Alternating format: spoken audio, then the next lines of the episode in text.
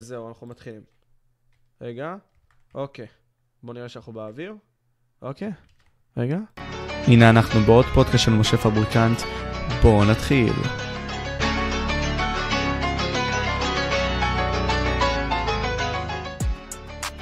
טוב, צ'אט, הנה אנחנו בעוד פודקאסט. היופי הוא שאני נמצא פה עם אחד האנשים שאני יותר מעריך בסוג של מה שקשור לחינוך והכל, שזה עובד לברים, מה נשמע? ערב טוב, שבוע טוב. שבוע טוב. וואלה, אני הרגע חזרתי מאימון, ולפני האימון פשוט שמעתי את כל הסרטונים שאתה מדבר עליהם בכל העניין הזה של הבגרויות, הבגרות במתמטיקה ומה שהיית והכל. וזה, אתה יודע, זה דבר שחוזר על עצמו די הרבה כל השנים האלה, גם כשאני הייתי תלמיד לפני שנה, על אותו עיקרון תמיד שמעתי גם מהחמש יחידות, שפשוט הבחינות היו סופר קשות וסופר לא הגיוניות וסופר לא ברורות. אז אני באמת רוצה שתיכנס איתי לעובי הקורה של, אוקיי, מה, מה קרה באמת שם? מה, מה בעצם קרה בבגרויות הללו? אז הבחינות במועד חורף הזה משקפות מגמה שכבר נמשכת משנת 2022 וקצת לפני זה. שהשאלות, היותר דגש שהשאלות הולכות ומתארכות. ככה שגם אם אני תלמיד טוב ויודע את החומר ומצליח להבין את השאלה ומה מצפים ממני בשאלה, אני אסיים את השאלה ממש כאילו לפעמים על, על הקשקש. ככה שכל סוויץ' קטן או כל טעות קטנה, או איזה להתעכב על משהו קצת יותר מהרגיל, זה מתחיל לקלקל לי את כל השאלה, אני מתחיל להיות בלחץ, ואני לא עומד בזמן, וזה הקושי הגדול, שהשאלות הן ארוכות ומתארכות, ומתארכות כל שנה, ונהיות ארוכות, מה שלא מתאים לזמן של הבחינה. עכשיו, לא לפתור כל דבר בתוספת זמן, זאת אומרת, אנחנו לא דורשים, תנו לנו יותר זמן. קודם כל, אם זה מיידי, לתת תרופה נניח לבחינה קרובה, אז כן לתת תוספת זמן, אבל באופן כללי, לא יכול להיות תלמיד בגיל 16, 16 וחצי, 17, יושב, אמ, יושב שלוש שעות וחצי, ארבע שעות מתוספות זמן וכאלה, ויעשה בחינה. זה לא נורמלי, כי כל הגיבורים האלה, שהם גדולים, הם יודעים שבאוניברסיטה לא עושים מבחנים במשך זמן כזה. אתה באוניברסיטה, אתה עושה אה, מבחן שעה וחצי, זמן כזה, זמן של מבחן. והשאלות במבחן מותאמות לשעה וחצי. לצפות מתלמיד שישב שלוש וחצי שעות, ארבע שעות, ועוד יעשה שאלות שהן מאוד מאוד מאוד ארוכות, ואם הוא ירוץ ככה כמו שצריך, הוא יסיים אותן ממש על, ה, על הדקה. ככה שכל שיבוש, בום, גורם לך תקלה, ואיפה הלחץ? אתה מבין, ברגע שיש לך שיבוש, אתה בא, רואה משהו לא מסתדר במחשבון, היי, מה קרה? אתה, לחזור אחורה, אין את המיומנות הזו, זה קשה. ואז הכל מתרסק. ואתה יודע, זה, זה, זה מתחיל בעובדה הפשוטה שקודם כל אתה לא יודע איך ללמוד. כלומר, אנחנו בתור תלמידים לא באמת יודעים איך ללמוד, ובמיוחד למקצועות, למקצועות הריאליים האלה שדורשים כל כך הרבה ממוקדות, אתה צריך להבין את הטכניקה, אם אתה מפספס מדרגה מסוימת, אתה לא באמת מצליח להבין את כל שאר הדברים. שוב, המדרגות האלה מאוד חשובות, כי אם אתה לא מבין את הבסיס, כל שאר הדברים בעצם לא רלוונטיים, כי גם אם נשים לזרוק עליך תוכן וכל מיני כאלה ותרגילים, זה לא באמת יעזור התרגול הזה, אם אתה לא מבין את הדברים. והבעיה היא, לדעתי, הפונדמנטלית גם בשיטה של משרד החינוך, אני לא יודע אם רק בישראל, כן, נראה לי גם בחברה המערבית, זה שהם לא מסבירים למה מאחורי כל דבר. ואם אתה לא תסביר את הלמה, התלמיד לא ידע למה זה מעניין, התלמיד לא יתעניין, התלמיד לא ימשיך, והוא לא יבין את הבסיס, ועל פי כך, אתה פשוט סתם זורק עליו שהוא יזכור, וזהו. דווקא על הטיעון הזה מסתמכת, דרך אגב, כשאתה אומר משרד החינוך, אפשר למקד את הבעיה שלנו במקור אחד, זה המפקחת על המתמטיקה במשרד החינוך. אני לא יודע אם השרים בכלל מודעים לכל. הכישלון הזה, לכל המצב הזה, לכל הקושי שיש בבחינה. הם לא מודעים, האשמה רק אצל המפמ"רית, המפקחת על מתמטיקה, היא אחראית, ברצותה יהיה ארוך, ברצותה יהיה קצר. חד משמעית, היא השליט היחיד בנושא הזה. Okay. אוקיי. עכשיו, היא מדברת, בתיאוריות שלה, היא מדברת הרבה על אוריינות. בואו נפתח אצל התלמידים הרבה אוריינות. ואז אנחנו מלמדים מספרים ישנים, שלא אקטואליים למבנה הבחינה של היום, ובית ספר מחויב לבחור לו איזה ספר מהרשימה שמשרד החינוך נותן, והספרים לא מותאמים. נכון. Uh, אני חושב שגם כשהם מגבשים כל מיני תורות לימוד, הם בדרך כלל עושים את זה עם אנשים מהאקדמיה, פרופסורים ומומחי חינוך ודברים כאלה, לא אנשים שממש פוגשים תלמידים, ולכן כל אחד שבא, יש לו תיאוריה, הוא משליך את זה על התלמידים, מנסים איזה תוכנית חומש לכמה, לחמש שנים, מנסים לראות אם זה עובד, לא עובד, כן עובד, לא עובד, כל הזמן התלמיד הוא תחת ניסוי. שים לב שהשאלונים משתנים כל הזמן. לפני כמה שנים אמרו, אה, צריך להכניס בעיות תנועה, בעיות מילוליות בשאלות, כדי לפתח לתלמיד מיומנות של מלל ומתמטיקה. אז עכשיו החליטו לשנות את זה ולהפסיק, ולא יהיו בעיות תנועה, ובמקום זה הכניסו שאלות קצרות על משהו אחר, על דברים אחרים.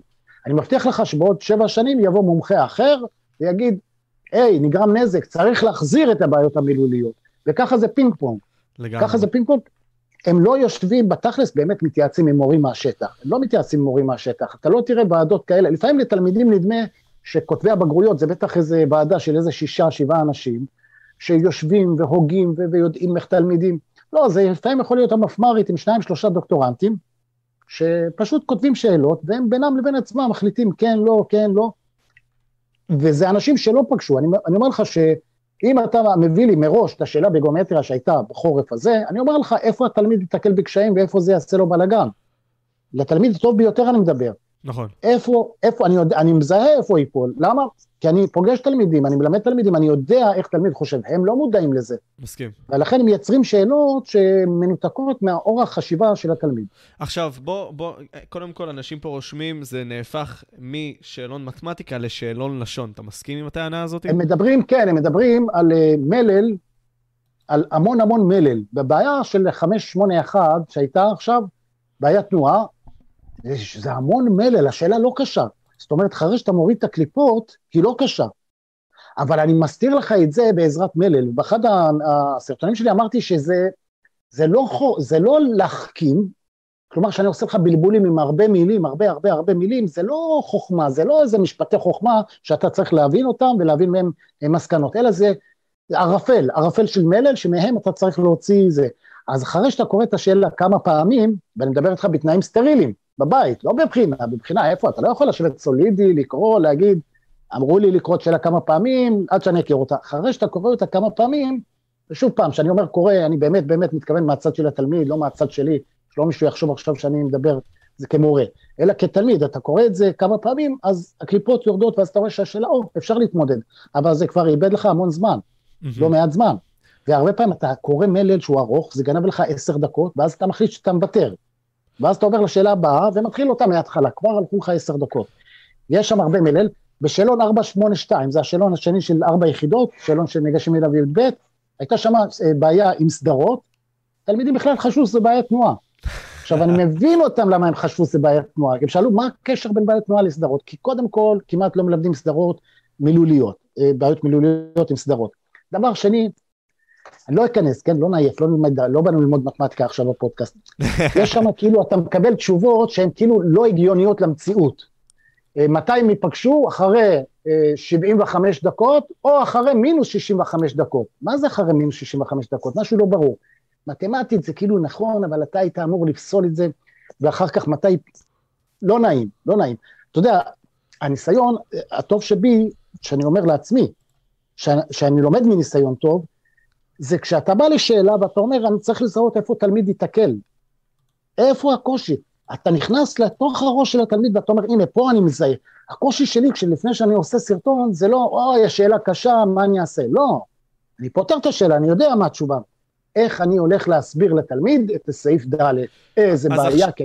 אז, אז עכשיו שאלה, קודם כל, אה, לפני שאני רוצה לבוא ולתת שאלה כזאת מיוחדת שצופה אחד נתן לי, שהוא בכלל לא קשור למערכת החינוך, דווקא השאלה, לדעתי המתבקשת היא כזאת, עובד, האם בכלל שווה אז להשקיע בחמש יחידות? כלומר, אם אני עכשיו לא תלמיד גאון מן המניין, בוא נגיד את זה ככה, ומאמין שמשרד החינוך, במיוחד במקצועות הריאליים, כן? אה, בא ועושה לי עוול באיזשהו מקום, מקום. מוציא ממני את הנשמה, מוציא ממני כסף, מוציא ממני הרבה מאוד דברים, ואני מרגיש כאילו, וגם הביטחון העצמי שלי מרגיש ברצפה כל הזמן, כי כל פעם, אתה יודע, מציבים לי רף, אני לא עומד בו, אני רואה שגם אנשים אחרים לא עומדים בו, קיצור, מוריד לי את הכל, האם שווה לי או לא? אז בוא נאמר ככה,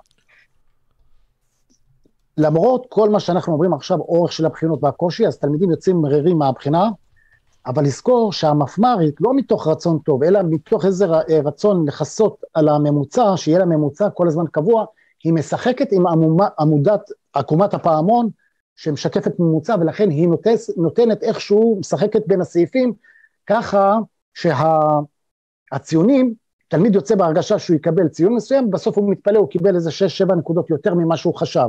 זה כתוצאה מהמשחק הזה. אז זה כן מסתדר איכשהו מבחינת ציונים, כן מסתדר, לפעמים לא מה שהתלמיד רצה מעצמו מההתחלה. עכשיו אתה שואל לגבי השקעה. אז תראה, מצד אחד אנחנו מעבירים ביקורת, מצד אחד אני אישית עושה כל מיני סרטונים כדי לשפר את אה, רמת הלימוד, כלומר מתחיל להביא כל מיני דברים, סעיפים שהיו בבגרות האחרונות, כדי להתאים את עצמנו למצב להתאמן. אבל תמיד יהיה מצב שבסוף נבוא לבחינה, כי זה משהו אקראי, אנחנו יכולים לבוא לבחינה, בגלל, זו, זו המלחמה שלי, בגלל שזו גחמה של בן אדם אחד, הוא יכול בקיץ הקרוב להחליט שהוא עושה בחינה קצרה. שאלות קצרות וקלות נניח, פתאום. אז אני לא יכול להגיד לתלמידים, תשמעו, ככה וככה, המאמץ שלכם לא ישתלם, בסוף נבואו לקיץ, יגידו, היה, היה בגרות בדיחה. נכון. אז, אז, אז, אז כל עוד זה בידיו של השליט יחיד, של אדם יחיד, שקובע, קשה לנו לדעת מה לייעץ לתלמידים, מה לומר להם, איך, אבל אני חושב שבסוף ההשקעה כן משתלמת, ההשקעה כן משתלמת, מה לעשות, אנחנו גם קהל שבוי, זאת אומרת, אין לך הרבה בחירה, אתה רוצה להתקבל ללימודים מסוימים בהנדסה, בעוד בטכניון, אז הוא דורש ממך חמש יחידות, אין לך בחירה. זה, אני לא בא חלילה לייאש את התלמידים, אלא לומר להם, תשמעו, אנחנו מעבירים ביקורת, אתם תתאמנו, בסך הכל הממוצע הוא כל הזמן נשאר 84, כי מישהו משחק עם העקומה, בסדר? זאת אומרת, גם אם הגעת לסעיף שהוא, אתה לא סגור עליו, תענה ולא משנה מה תענה, כי יכול להיות רק על המלל שאתה ענית והתייחסת לסעיף, ייתנו לך נקודות. אבל תלמיד שלא ענה בכלל על הסעיף, יכול להיות שלא יקבל נקודות בכלל. אז כן שווה להשקיע, כן שווה, וגם אם אתה משקיע היום, אתה לומד, יכול להיות שאחרי צבא אתה תרצה לבוא להשלים, אתה תראה שפתאום החומר צץ, הוא, הוא צף למעלה, זה קורה. אז כן להשקיע, כן, אנחנו מצד אחד ניתן את כל הכלים ואת כל הזה כדי להתאים את עצמנו לבחינת הבגרות הקרובה, מצד שני עושים את המאבק, זה לא כדי לשבור את התלמיד ולומר לו אין לכם סיכוי, יש קושי, הוא לא סביר, אפשר לעבור אותו, אנחנו לא רוצים ככה לסיים את הבגרות ככה חנוקים, אלא בצורה מכובדת וטובה. מה קרה לבדידים? מה, מה זאת אומרת? מישהו שאל אותי את זה, אני לא יודע אם זה קשור, לא קשור. או, אז הנה, הוא, הוא, הוא צודק, אולי הוא אומר את זה בצחוק, כזה חצי צחוק, אבל אני אגיד לך, זה משהו רציני, זה לפני שנים, עוד פעם, דיברנו על הניסויים, כל פעם מנסים על התלמידים, אה, איך ללמד אותם חשבון. הבדידים זה היה בבית ספר יסודי ללמד חשבון. מחברים כל מיני כאלה ומסתכלים כמה זה שתיים ועוד שתיים כפול זה. זה היה איזה חבורה מהאקדמיה שהחליטה שהם מומחים בחינוך, ונתנו הצעה בואו נכניס להם משהו שנקרא בדידים, ככה הם ילמדו חשבון. אז כמובן שזה לא עזר ונזרק לפח, כבר אין בדידים. למה? כי מי שמכתיב תוכניות הלימוד האלה זה לא מורים שמלמדים בפועל, זה אנשים מנותקים. וזה בדיוק כמו שאמרתי לך, הפסיקו בעיות תנועה אה, היום, אז זה יחזור בעוד שבע שנים. היה בדידים, ירד, הביאו משהו אחר. לא נותנים לאנשי מקצוע, לאנשי שטח, ל- ל- אה, לטפל בדברים האלה. אז בוא נתקוף את השאלה המרכזית הזאת. כלומר, אנחנו מבינים ש... בוא, בוא נתעסק במתמטיקה בפרט, אני מאמין שגם במקצועות אחרים, אבל בוא נתעסק במתמטיקה. יש פה ניתוק, כמו שאתה בא ואומר, וגם אני כחוויתי חוויתי את זה בתור תלמיד, של המורים מהשטח עצמו. מאיתנו התלמידים מבחינת איך לבוא וללמוד, מה אנחנו לומדים, מה אנחנו מרגישים אחרי שאנחנו לומדים, איך מלמדים והכל. אני שואל, למה בהכרח הם נמנעים בכלל מלעזור לנו להבין אותנו? האם זה כי יותר נוח להם? או הם, לא יודע, יש איזושהי בעיה אחרת, כי זה לא נשמע לי כל כך הגיוני, שתלמיד יבוא ויאכל את עצמו בגלל בעיה שהיא לא באמת בהכרח תמיד שלו. כלומר, אתה יכול לפעמים לעשות הכל, נכון? כמה שאתה יכול, אבל זה לא תלוי בך, כי מכבידים עליך מאוד. הבנתי. תראה, אה, חלק גדול מהמורים בעצם, עם הזמן, למדו ליישר קו עם המערכת. אנחנו עוד פעם חוזרים לנקודה שיש מפמ"רית אחת, והיא השליט, היא הקובעת, היא האדון, היא הכל. ועם הזמן כנראה הם התרגלו לזה שכל ביקורת, אם תושמע, לא תושמע, היא לא מתקבלת, ולכן הפסיקו להשמיע ביקורת. עם הזמן זה יצר להם איזשהו, מדבר על, לא מדבר כמובן על כל המורים, מדבר על חלק לא קטן מהמורים, שתלמידים מתלוננים, אני לא יודע, לא מאבחן מורים, אני יודע מה שתלמידים אומרים. לאט לאט המורה עצמו מבין שהכוח שהוא בא איתו מלכתחילה, הוא לא כזה בר השפעה, ולכן גם הוא מתחיל להיות אפאתי. הוא גם זה שלא מנסה לייצר תלמידים ומיישר קו עם המערכת. מיישר קו עם המערכת. הקיצונים ביותר זה אלה שגם יוצאים להגנת המערכת. אפילו שמעתי מורה שאומרת לתלמידה, אני פתרתי כל שאלה בבגרות האחרונה בעשר דקות. אתה יודע, זה שקר ברמה, זה, אמרתי לתלמידה, תקשיבי, הנה, לקחתי את הפתרון של מופיע אצל באתר של יואל גבע, אמרתי לה, רק תכתבי בבקשה, רק לכתוב, להעתיק את הפתרון, לא לחשוב, רק לכתוב, ייקח לך יותר מרבע שעה. אז כשמורה תבוא לתלמידה, אומרת, לא, שטויות, אני בעשר דקות פתרתי כל שאלה. קצת מעליב, אז זה מראה על מורה, או לא יודע מה הקטע, אם היא רוצה להתפאר בעצמה סתם או משהו כזה, או רוצה, אין לי מושג. ולאט לאט נוצר כאילו מורה אומר מה אני לוקח תלמידים גם ככה אז, אז יותר נוח ככה ליצור נתק אתה מבין ליצור נתק ולא ואז מיישרים קו עם המערכת זה הראש. אני מבין ובמקום מסוים לדעתי עוד בעיה אינטגרלית אה, היא עצם העובדה שאין מספיק בוא נגיד ככה אומרים את זה באנגלית incentive או יותר נכון אין מספיק איך אומרים את זה בעברית incentive אתה יודע? אני שכחתי, זה חשוב, דקה. אה, כי אני רוצה פשוט להנגיש את זה לכולם. רגע, שנייה, incentive, בוא נבדוק Translate. תמריץ. אין מספיק תמריץ, למורים בעצם לבוא ולהגיע למערכת הזאת ולתת את עצמם ב-100%. אני חושב שקודם כל המערכת הזאת בכוונה מיישרת כמה שיותר ומונעת ממך חשיבה ביקורתית עצמאית בתור מורה, ובנוסף, בגלל התמריצים הללו, המורים האיכותיים, או אנשי החינוך האיכותיים האלה שיכולו להיות, לא מגיעים לכאן, ועל פי כך התלמידים בעצם סובלים ממורים שפשוט לא טובים, ברוב המקרים. זה לפחות בחוויה האישית שלי, מורים שהם כמו התלמידים כמה שנים מעבר והכול לא כל כך חכמים, מגיעים עם השיעור עם כל הדפים האלה של כל הדברים שהם צריכים להעביר בשיעור וזהו, והם מצפים מהילד פשוט לבוא ולזכור, לשנן ולדעת. זהו, אז אני אזהר בכבודם של המורים, כן? שלא נדבר חלילה בהכללה, אלא נדבר על אלה הספציפית שאתה מציין. כן. למרות שהם ככל יותר תלמידים, אני מקבל שזה דווקא תחושה של הרבה הרבה תלמידים בדבר הזה. אז זה מתחיל מכמה מקומות, זה מתחיל מכמה מקומות. זה מתחיל קודם כל מהשכר, אבל אני גם מאלה שלא, שטוען שגם אם תעלה שכר, יגיע לך זה לא ישנה את התרבות. אנשים. לא פה בדיוק, לא ייצור מהפכה. שכר צריך להינתן בלי קשר, שכר טוב ויותר, מכובד יותר. אבל מלכתחילה מורה כבר בתחילת הגעתו לבית הספר ללמד, טוב, לא לדבר על החרפה שאתה מתחיל בית ספר, אז אתה, קוראים לך דרוש מורה, אז שליש משרה, רבע משרה, עזוב, תן לי להתחיל את החיים, תן לי משרה, אז שאר השעות אני לא אעבוד, אבל די עם הרבעי משרה, חלקי משרה, מלכתחילה אתה גורר אנשים לדברים, לא, לא לבוא לדבר הזה. דבר שני, אתה נכנס למערכת שמכתיבה לך כללים. לפני שנים, ואלה היו שנים טובות דווקא, אה, היית, כמורה, היית שליט בכיתה שלך לטוב ולרע. שליט, לא במובן הרע, אלא אתה מחליט איך ללמד, מה ללמד, מאיזה ספר. אתה קבעת, וזה הגיוני שאני בא, כן, שאני אבחר את הכלים שאיתם אני רוצה ללמד את התלמיד. אני חושב שהספר הזה טוב, אז אני מבקש מהם שירכשו את הספר הזה, ולא הבית ספר נותן לי אה, הכתבה כללית. דבר שני, אני קובע מתי יהיו המבחנים, בהתאם למצבי בכיתה, כן? לפעמים יש משהו בכיתה, התעכבנו, אבל היום לא, יש מבחן שכבתי, כולם ניגשים באותו יום. דבר שלישי, אני כמורה רוצה להחליט מאיזה נושא אני רוצה להתחיל ללמד. לא, בבית ספר אומרים לך, אתה תתחיל מנושא זה וזה. עכשיו, אם אני אבוא לבית ספר ממלכתי ואני אגיד להם אני רוצה ככה, לא, יגידו לי לא, אבל אני אגיד להם אני רוצה ללמד מהספר הזה, לא, אתה תעשה מה שאומרים לך, את, את הכלים האלה ואלה, אבל אם אני אבוא לבית ספר פרטי, יגידו לי, עובד, תעשה מה שאתה רוצה, תביא לנו תוצאות. למה? כי שם זה מתחיל ונגמר בכסף. אם אני אלמד בצורה לא נכונה את התלמידים ולא יהיו תוצאות, הבית ספר יסגור, לא, לא ירוויח כסף. וזה לכן המבחן האמיתי, השוק החופשי. אז אם מלכתחילה אתה לא נותן למורה עצמאות, גם אם תעלה את שכרו, אתה מביא אנשים שמלכתחילה לא רוצים כל כך ללמד. ומי שנמצא כבר במערכת, הוא לאט לאט מתעייף, כי כל דבר זה הכל סולידי. אה, דבר שני, באמת הארגון של אה, המורים, גם בהסתדרות, גם ארגון המורים הארצי, אלה אחד הגופים, הגוף הכי מרגיז אותי, זה, זה שכל פעם הוא, הוא, הוא רן ארז, כבר אני חושב 200 שנה שם, אה, הוא כל הזמן אומר, אני רוצה להגן, שהיה רפורמה עכשיו של אה, שרת החינוך, אמר, אני רוצה להגן על התלמידים, אסור לוותר על זה, אסור שהרפורמה, להגן על התלמידים, על התלמידים, על התלמידים. פופוליזם.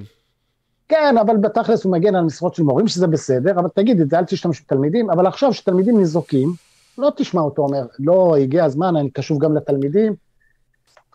הטענה היא אה, שפשוט הקאץ' שזה נופל על ההצלחה של התלמידים ועל כביכול העתיד שלהם, למרות שאני לא רוצה להגביל את התלמידים.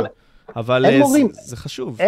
אה, בואו בוא נסגור את העניין הזה, אין מורים בארץ, לא מייצרים מורים. אני, שומע לפעמים אומרים, אנחנו נגייס 15 אלף מורים, מאיפה תביא אותם? מאיפה הם נעלמו עד עכשיו? ומה, הם תחבאו במערות, תוציאו אותם? מאיפה תביא מורים? שלא לדבר למקצועות מסוימים, בכלל אין מורים, ולא לדבר את הטובים שבהם, איפה תמצא. לא מביאים יש מאין, אין מורים. והשיח הוא שיח של, אני, אני נתקל בתופעות, חבל לך על הזמן, בבתי ספר חדשים שנפתחים. אין מורים עלו להביא, מביאים להם מורים מחליפים. אה, איזה תלמידה השבוע נתנה לי אה, דף עבודה, הכל שם שגיאות חשבון. שגיאות חשבון. אמרתי את זה לאימא, אז האימא אומרת, עזוב, הם כל הזמן מחליפים להם שם מורה וזה. ואני שומע את זה בעוד הרבה הרבה בתי ספר. אין מורים. לא תשיג מורים. כל עוד לא תתייעל ותעשה את הדברים האלה, לא יהיו לך מורים. אנשים פה שואלים, תעלה את הנושא של שאלה 3 ב-582. למה, למה כל כך הרבה אנשים רושמים כן, את זה? זהו, אני לא, לא, עד שאני לא מעמיק בשאלה ובודק אותה מכל הכיוונים, אני לא מביע דעה מתמטית על שאלה, אני אעשה את זה, סרטון, אני לא מתכוונתי להעלות אותו, מקסימום אני אעלה אותו מחר. עוד פעם, זה אה, שאלות שהן חורגות מהרגיל, אבל עוד פעם, מה עושה המפמ"רית, ש, שמת... היא לא נותנת לאף אחד להתווכח איתם.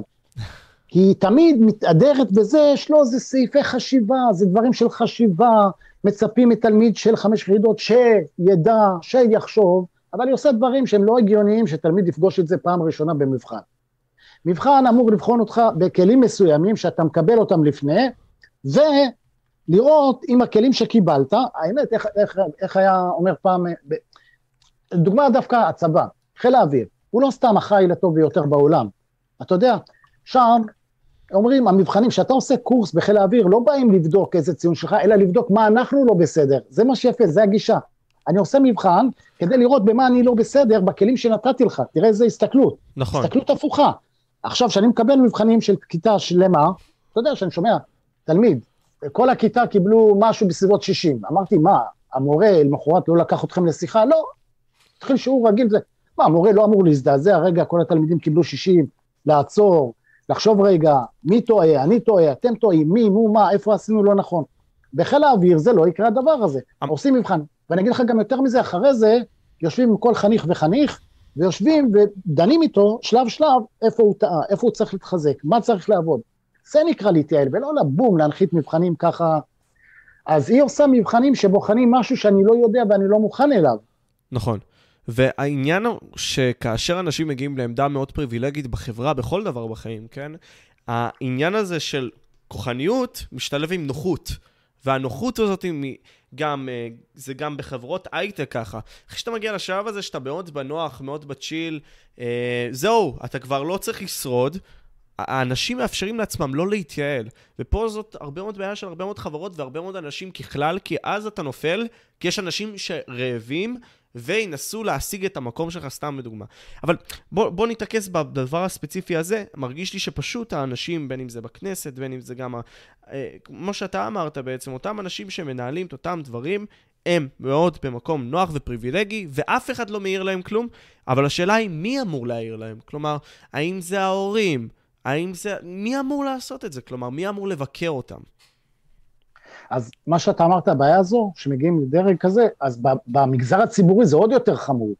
במגזר הפרטי אתה עוד חייב דוחות לבעלי המניות, להנהלה או דברים כאלה, אז גם כמנהל בכיר, אתה חייב דין וחשבון למישהו, כי זה מתבטא בדוחות הכספיים, כן?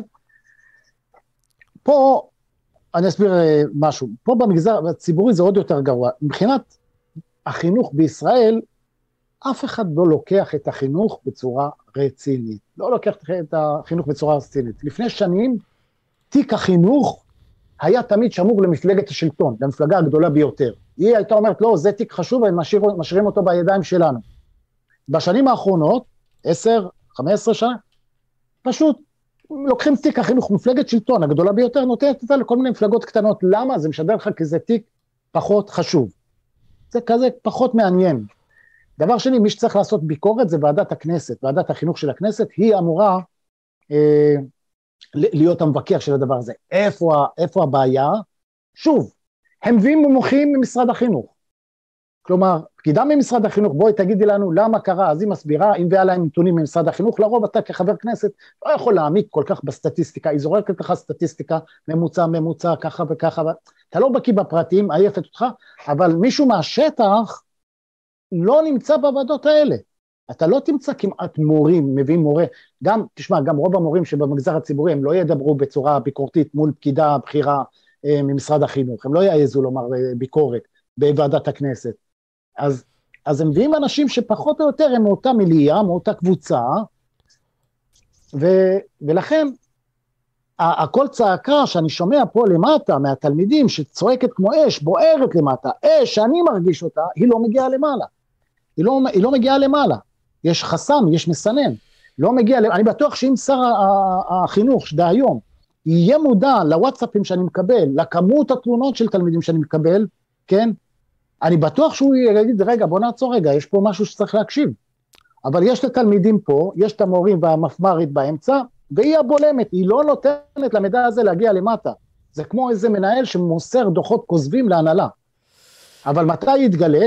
כאשר החברה תפשוט רגל, אז יתגלו שהוא מסר דוחות כספיים אה, שקריים. אבל פה היא לא פושטת רגל, זה כל הקטע. פה היא לא פושטת רגל, חברה מתפוררת, או חינוך מתפורר, זה דבר שלוקח שנים. אתה לא מגלה ויכול להצביע בעוד עשר שנים להצביע, להגיד, הנה, זה הסיבה. זה, זה גורר אבטלה, אינפלציות, אה, כל מיני דברים, אתה לא יכול להצביע. זה גורר מחסור במהנדסים, היה תקופה בישראל שהיו מחסור במהנדסים. לא רק בגלל שהמשק התפתח, אלא כי המשק, מערכת החינוך, לא ייצרה מספיק אה, מהנדסים, והייתה ערוכה לזה. אז זהו, צריך לשמור את התקרה הזו, את התקרה הזו, וזה הדבר, אני, אני אגיד לך, אני הייתי בוועדת הכנסת, הם זורקים ממוצעים, נו, מה, מה אני יכול לעשות? עכשיו, תשמע, הם, הם לא מפרסמים את הנתונים, זאת אומרת, בוא אני אשאל אותך שאלה, זכותנו כאזרחים לדעת מה הממוצע הבית ספרי שלך בבגרות? לגמרי, אני מאמין שכן. זכותנו לדעת בעיר שלך כמה אנשים ענו על שאלה אחת וצדקו בה ושתיים, כדי לעשות ניתוח, לצורך העניין. לא, הנתונים האלה, הנתונים האלה סודיים.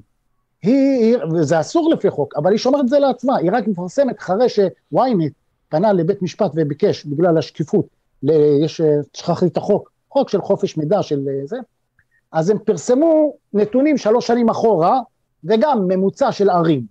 לא נתונים שאני, כמתמטיקאי או מישהו שמבין בסטטיסטיקה, יעשות, יכול לעשות ניתוח סטטיסטי מעמיק ולנתח את הבעיה ולנתח את העניין. אבל האם השאלה מגיעה האם מערכות החינוך פועלות בשביל להתייעל ולהפוך את התלמיד להכי טוב, או האג'נדה היא לגמרי אחרת בשביל שתעשה דברים אחרים? כי אני מאמין אישית שמערכת החינוך, כמו הרבה מאוד מערכות אחרות, וזה די ברור, שמנסות להחזיק אותך בשביל להחזיק אותך, ולא בשביל שאתה תהיה האדם שאתה רוצה להיות בחיים האלה, לדעתי. וזה מאוד פסימי, אבל שוב, אני לפחות מאמין ככה ש... כל חברה במידה והייתה רוצה, היא הייתה מתייעלת, אוקיי? כמו בצבא, יש, יש במקומות מסוימים התייעלות. כמובן שהצבא הוא פרימיטיבי, בחלק מהמקרים, אבל יש התייעלות כדי כן. לבוא ולהתקדם בצבא. במערכת החינוך זה בכלל לא ככה כמעט. זה, זה מרגיש לפחות ככה. כן. נתת דוגמה בצבא, כשמפקד טוב מגיע ליחידה והוא מבין שיש שם בעיות, אתה יודע מה הוא עושה דבר ראשון? הוא יורד, לא אוסף את המטה שלו, ואומר לו, תנו לי סקירה על מה שקורה ביחידה, זה הוא אמור לעשות והוא יעשה. הוא יורד לשטח, הוא מדלג, כי הוא יודע שאם יש בעיה ביחידה, לפעמים הדרג, הקצונה, מפריע למידע להגיע למעלה, בולם את זה. אז אם שר החינוך, או מישהו ממשרד החינוך שרוצה להשפיע, אה, יעקוף את הישיבות האלה עם הסגל, עם הפקידות ועם המפקחים והמפקחות, אלא ירד, יעקוף ויפגוש ישירות תלמידים ומורים, תלמידים ומורים מהשטח, בהפתעה, בלי תזמון, בלי הכנה, בלי דברים כאלה, כן? מגיע לבית ספר, אוסף כמה מורים, יושב, מדבר איתם, שומע מהם, יקבל את התמונה הנכונה, הוא יוכל, הוא יוכל לקנות את עולמו, כי הוא יוכל לעשות שינוי רציני במערכת החינוך. הם לא, הם כל הזמן שומעים דרך הצינור הזה של הפקידות.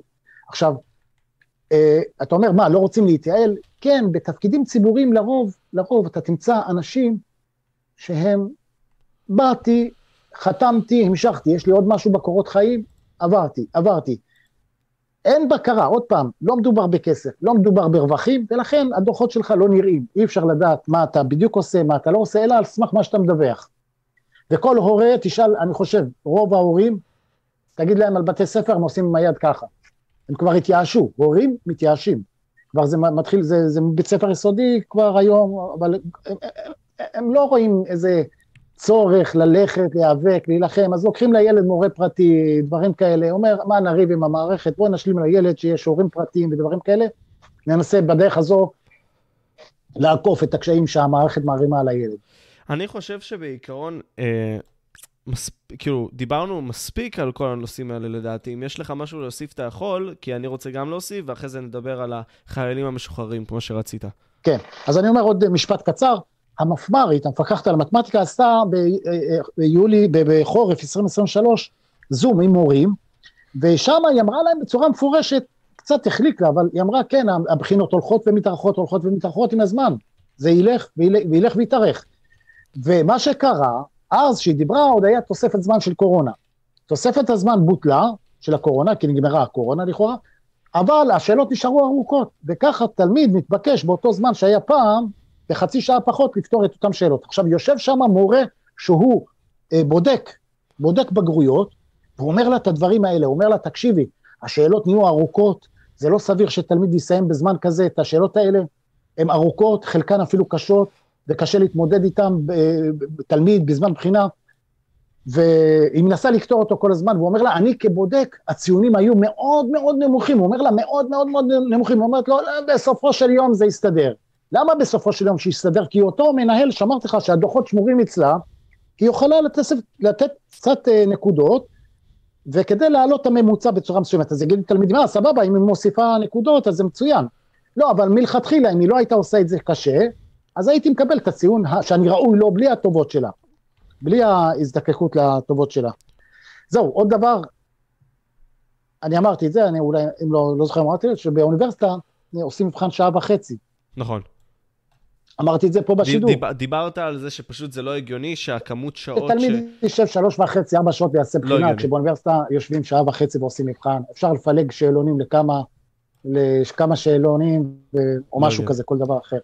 שיהיה פחות זמן, בדיוק. רשמתי לעצמי מין סוג של מגילה מסוימת, אני אשתדל לקצר אותה, כן, אבל uh, בואו נגיד ככה, אה, זה לפחות הטענה שלי נגד מערכת החינוך, אני אתחיל. וזה די ארוך, פשוט, כי אמרתי, אני הייתי, יודע מה זה להיות תלמיד. וכשאני רואה אנשים אחרים במתמטיקה במיוחד סובלים כאחד שסבל, ומי הציל אותי עובד. אני שוב אומר את זה בצורה מאוד אמיתית, וזה באמת היה ככה, שאם לא עובד, ככל הנראה, לא היה לי כל כך קל בבגרות, משמעותית. הייתי צריך ל- לעשות כל מיני התאמצויות כאלה ואחרות. טוב, אני אנסה לתמצת את זה. הבעיה הפונדמנטלית שלדעתי, של מערכת החינוך, אוקיי? זה כל העניין הזה שהם לא מלמדים הכל בצורה מרוכזת. למה? כי זה לא משתלם להם במקום מסוים. לשלם למורה, לעשות את התשע שעות האלה ביום אחד, כמובן עם uh, ריחוק זמנים, והכל זה לא שווה להם, הם רוצים למרוח את זה ולמרוח אותו לכל השבוע. זה לא, זה לא בסדר, כי במקום מסוים זה מונע תזכור פעיל, אוקיי? ותזכור פעיל זה חשוב ללמידה. Uh, יש מרווחים, אבל הם לא מספיקים, והם משתנים מבית ספר לבית ספר. עצם העובדה שהלימודים מאוד מיושנים בשיטת הלימוד שלהם גורמת לתלמיד להעתיק ומקדמת שיטתיות שכזו בהמשך חייו של התלמיד. למורים אין כלל עצמאות, כובלים אותם מלעשות את דרכי הלמידה שהם רוצים, ובכך התלמידים סובלים. אם אתם לא סומכים על המורים שלכם בבית ספר, אל תבקרו, אל תבקרו את ה... רגע, מה אני רשמתי? אה, אני, אני מנסה פשוט להבין, רגע. אל תבקרו. אל תבקרו את תעשייתו כל חודש, או בכלל אל תיתנו לו ללמד אם אינו יעיל. אין דבר כזה שתלמיד ילמד את החומר בצורה גבוהה. כלומר, אנחנו מלמדים את עצמנו ולא המורה. אף אחד לא מבקר את המורים, אף אחד לא עושה את זה וכל מיני כאלה, וזה חשוב להבין. לדעתי הבעיה הכי גדולה זה שיש מחסור במורים פורצי דרך. אף אחד מהמורים שלפחות לי היו בבית ספר, ואני אשמח לדעת אם לכם גם צ'אט, לא המורים פורצי דרך, לא המורים שיבואו ויעניינו אותך בנושא. אף מורה לא עושה את זה כמעט, ומי עושה את זה? רק האנשים דרך הרשת שנכנסים לזה. בגדול. ויש אולי פה מורה ושם והכל שמנסה להחזיק אותנו. וגם לא במקצועות הממש חשובים. במקצועות היותר הומניים והכל. אה, זה הופך אותנו לרפי שכל באיזשהו מקום, אוקיי? ומה שאני הייתי ממליץ לצעירים היום, זה פשוט לצאת ממרוץ העכברים הזה. כלומר, להבין שמערכת החינוך היא מאוד מיושנת, מאוד מנסה להגביל אותנו, מאוד מנסה לחנוק אותנו. אנחנו צריכים להציל את עצמנו בשביל לחיות חיים הרבה יותר טובים כבני אדם, ואני מאמין בזה בלב שלם. וכל עוד אתם תעשו את זה, אתם תצליחו בחיים, אני לפחות ככה מאמין. אם תתחילו מוקדם במשהו, משהו שמעניין אתכם, תיקחו קורסים, היום ברשת הכל נגיש. אתם יכולים לעשות את זה. פשוט תצאו מהמחשבה הזאת שמערכת החינוך תציל אתכם, כי לא. היא תבזבז את הזמן שלכם, וזה כמו אנשים שעובדים בעבודה לגמרי, אוקיי? כלומר, אנשים שעובדים בעבודה ולא מצליחים לממש את התחביב שלהם. תבואו, אתם חוזרים מהבית ספר, תעשו משהו, תשכילו, תלמדו, תקראו, כי ככה אתם תצליחו, אחרת אתם לא תעשו את זה. אף אחד לא מנסה להסביר לכם במערכת החינוכית הזאת איך לבוא ולהצליח וכל מיני כאלה. הם לא מסבירים לכם את הלמה, בכוונה. כדי לבוא לדעתי באיזשהו מקום, פשוט לדחוף לכם את זה, להשאיר אתכם וזהו. הם לא מסבירים למה לי להקשיב, למה זה מעניין אותי, למה זה חשוב לי. וכמו שניטשה אומר, הם לא, מבינים, לא מסבירים לי את הלמה. ואם אני לא מבין את הלמה, אני לא יכול להבין איך אני יכול להתקדם מפה. בקיצור, אה, אני, אני פשוט אומר שהצעירים צריכים לתפוס את עצמם בידיים, אני חושב שהצעירים צריכים להתקדם, אני חושב שגם הצעירים צריכים לבוא ולהציל את עצמם, כי המערכת החינוכית הזאת היא פשוט מדכא, ואתה הולך עם זה לצבא, והצבא גם גורם לך באיזשהו מקום לא לבוא ולהוציא את עצמך מהמקום שבו אתה נמצא, וזהו. ואז אתה נשאב עם מוח של גיל 22, 23, ואתה לא עשית כלום בחיים. אתה כאילו, פשוט שומשת במערכות, ובסדר, אין מה לעשות, ניצלת סוג של, אבל אתה לא מי שאתה יכול להיות, וזאת הבעיה. זה לפחות מה שאני רשמתי. אמנם לא קראתי הכל, כי ראיתי שאם אה, אני מנסה לקרוא את זה כמו שקראתי, זה היה גרוע, וזהו. Uh, בקיצור, המשפט האחרון, אל תסמכו כלל המערכת הזאת, אף אחד לא יבוא מהם להציל אתכם, חוץ מאהובת לב-ארי.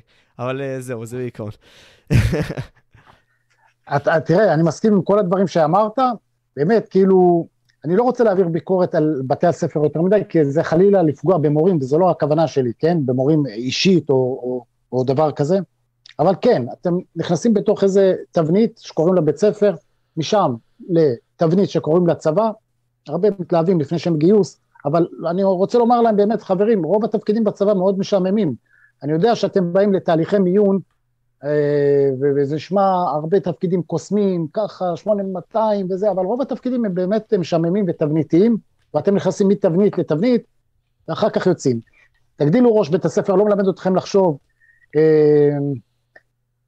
מי שיכול, באמת, מי שיכול ללמוד באופן עצמאי, אפילו לימודים של תיכון, רק, זה אין הרבה כאלה, כן, אבל מי שיכול באופן עצמאי ללמוד ולהוציא בגרות, חברים, בסך הכל מה שהבגרות האוניברסיטה דורשת, זה לא עשר יחידות מחשבים, צריכים חמש מקצועות חובה, שתי מקצועות בחירה, הממוצע, זה מה שיקבע. אתם יכולים ללמוד לבד, אתם יכולים לקחת אה, הגברה בתנ"ך, בספרות, ולקבל בונוס על כל הדברים האלה ולהוציא אחלה תעודת בגרות, ויהיה לכם זמן לעסוק בתחביבים שלכם, בלמידה, בהרחבת הדעת. היום האינטרנט באמת פתח לנו אפיקים, כמו שאמרת, ללמוד אלף ואחת דברים לבד. כי אני יכול להצהיר, כאילו, מערכת החינוך פשטה רגל, היא כבר, היא לא, היא לא הודיעה על זה, אבל היא חד משמעית, אפשר לחתום שהיא פשטה רגל. היא לגמרי פשטה רגל, וזה למה אני אומר שאנשים צריכים להציל את עצמם, כי הם יהיו שם 12, 12 שנה, וימשיכו להיות שם. וגם יעברו לצבא אחרי זה. ושוב, אני חוזר ואומר, ואני מסכים איתך, עובד, uh, היום אפשרי לקחת גם קורסים חיצוניים של לבוא ולהציל את עצמך סוג של, אבל אני גם אומר, גם בהרחבת הדעת האישית שלך, יש לנו כל כך הרבה אופציות. פשוט תתמקדו במשהו, באפיק כלשהו, לא משנה מה, פשוט תתרכזו בו וזהו. ויש לכם כל כך הרבה מהמקור הזה. זה אומר, אם אתם אוהבים ספורט או מרגישים שכיף לכם בספורט, תלמדו על ספורט. ותלמדו הרבה. כי יש לכם אפשרות לעשות את זה. ואם אתם תהיו מומחים לזה, יכול להיות שבגיל מאוד צעיר, אתם תבואו ותרוויחו כסף טוב לחיים. אה, לפחות ככה אני חושב.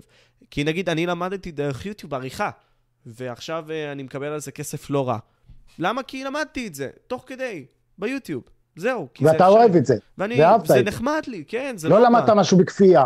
לא למדתי משהו בכפייה. כלומר, יצאתי מהבית ספר, ואמרתי לעצמי, טוב, אני יודע שאני צריך להציל את עצמי, אני יודע שהקורונה הזאת לא הייתה טובה, אני יודע שהמורים לא טובים, אני יודע שאם הייתי עכשיו בגיל שלהם, הייתי יודע הרבה יותר. אז אוקיי, סבבה, מה צריך לעשות? אוקיי, אני פותח אינטרנט, רושם, טק, טק, טק, טק, טק, אוקיי, זה מעניין אותי, בוא נרחיב על זה, בוא נתמקד בזה היום, זהו.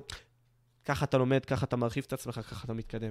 בוא נלך לנושא של החיילים המשוחררים. מה רצית להגיד בנוגע לזה? כן, חייל משוחרר הוא יוצא, אנחנו באמת צריכים לומר, כשמדברים בציבוריות, חיילים משוחררים, כולם נעמדים דום, או, זה חיילים משוחררים, זה חבר'ה שתרמו כרגע, והשתחררו, וצריך לתת להם את הכל, וצריך לתת, וצריך, וצריך. ואז אותו חייל יוצא מהצבא, משתחרר מהצבא, נובמבר, אוקטובר, דצמבר, רוצה מהר לשפר בגרות, ומה שמחכה לו זה מועד חורף, כי זה המועד האחרון, כי מועד חורף כדי להירשם לאוקטובר, לשנת, דוגמה לשנת 2023, זה המועד האחרון שלו. ואז מחכה לו מועד אחד לחיים ולמוות. למה לא עושים מועד ב'? זה עולה עוד כמה גרושים לעשות מועד ב', שיהיה מועד ב' לחיילים משוחררים, או בכלל, לכל מי שניגש בחורף, זה כולל חיילים משוחררים, כדי לשדר לבן אדם שרק ישתחרר, להגיד לו, אנחנו איתך, ואם החלקת, נעזור לך, אתה משדר. זה לא, זה לא משנה אם אני אבחן ארבע פעמים, בסוף אני אוציא מה... מה זה אומר, שאני יודע מתמטיקה פחות? הוצאתי בסוף, אז למדתי עוד פעם ועוד פעם ועוד פעם, זה כמו טסט, אתה לא אומר לבן אדם שעבר טסט בפעם השישית שהוא נהג גרוע, אתה תהיה נהג גרוע. לא, ומי שעבר טסט פעם ראשונה אז הוא יהיה נהג מצטיין וזהיר. לא, ולכן לפתוח רק כדי לקבל חייל משוחרר לאזרחות ולומר לו, מדינת ישראל מעריכה אותך ועוזרת לך, ולכן אנחנו עוזרים לך גם בתחום הזה. והרבה נדפקים, הם, מי שפספס את החורף הזה, הוא יחכה לשנת אוקטובר 2024 להתחיל לימודים באוניברסיטה. וואו. וחלק גדול מהם כן, כי אם אני רוצה ללמוד, לדוגמה, רפואה, ופספסתי ולא, ולא היה חסר לי את הנקודות האלה, זה מדובר גם בתלמידים טובים, לא בתלמידים אה, זה. דרך אגב, אתה יודע מה היה התגובה של אחת המנהלות במשרד החינוך לתלמיד שנה שעברה שפנה ואמר להם, אני, אמרה לו, בעיה שלך שזלזלת בלימודים בתיכון. עוד פעם קפצה לו המורה חדווה והתחילה להטיף לו מוסר. לא זלזל, מה את מכירה אותו, למה את שופטת אותו? הוא לא זלזל, הוא הוציא ציון, הוא רצה לעבור מ-4 ל-5, לשפר, כדי לקבל עוד כמה נקודות בונוס, או עוד כמה זה, כדי להתקבל בדיוק, חסר לך לפעמים 2-3 נקודות כדי להתקבל לחוג מסוים. אז, אז באמת, באמת, ש, ש, שמדינת ישראל תשדר לפחות בקטע הזה, לתת מועד ב' לחיילי צה"ל באופן קבוע חורף, חיילי צה"ל וכולם כמובן, זה כבר יגרוף את כולם, כי אי אפשר רק לחיילים. אבל על הדרך שירוויחו את זה, וזה התודה שאפשר אה, להודות להם.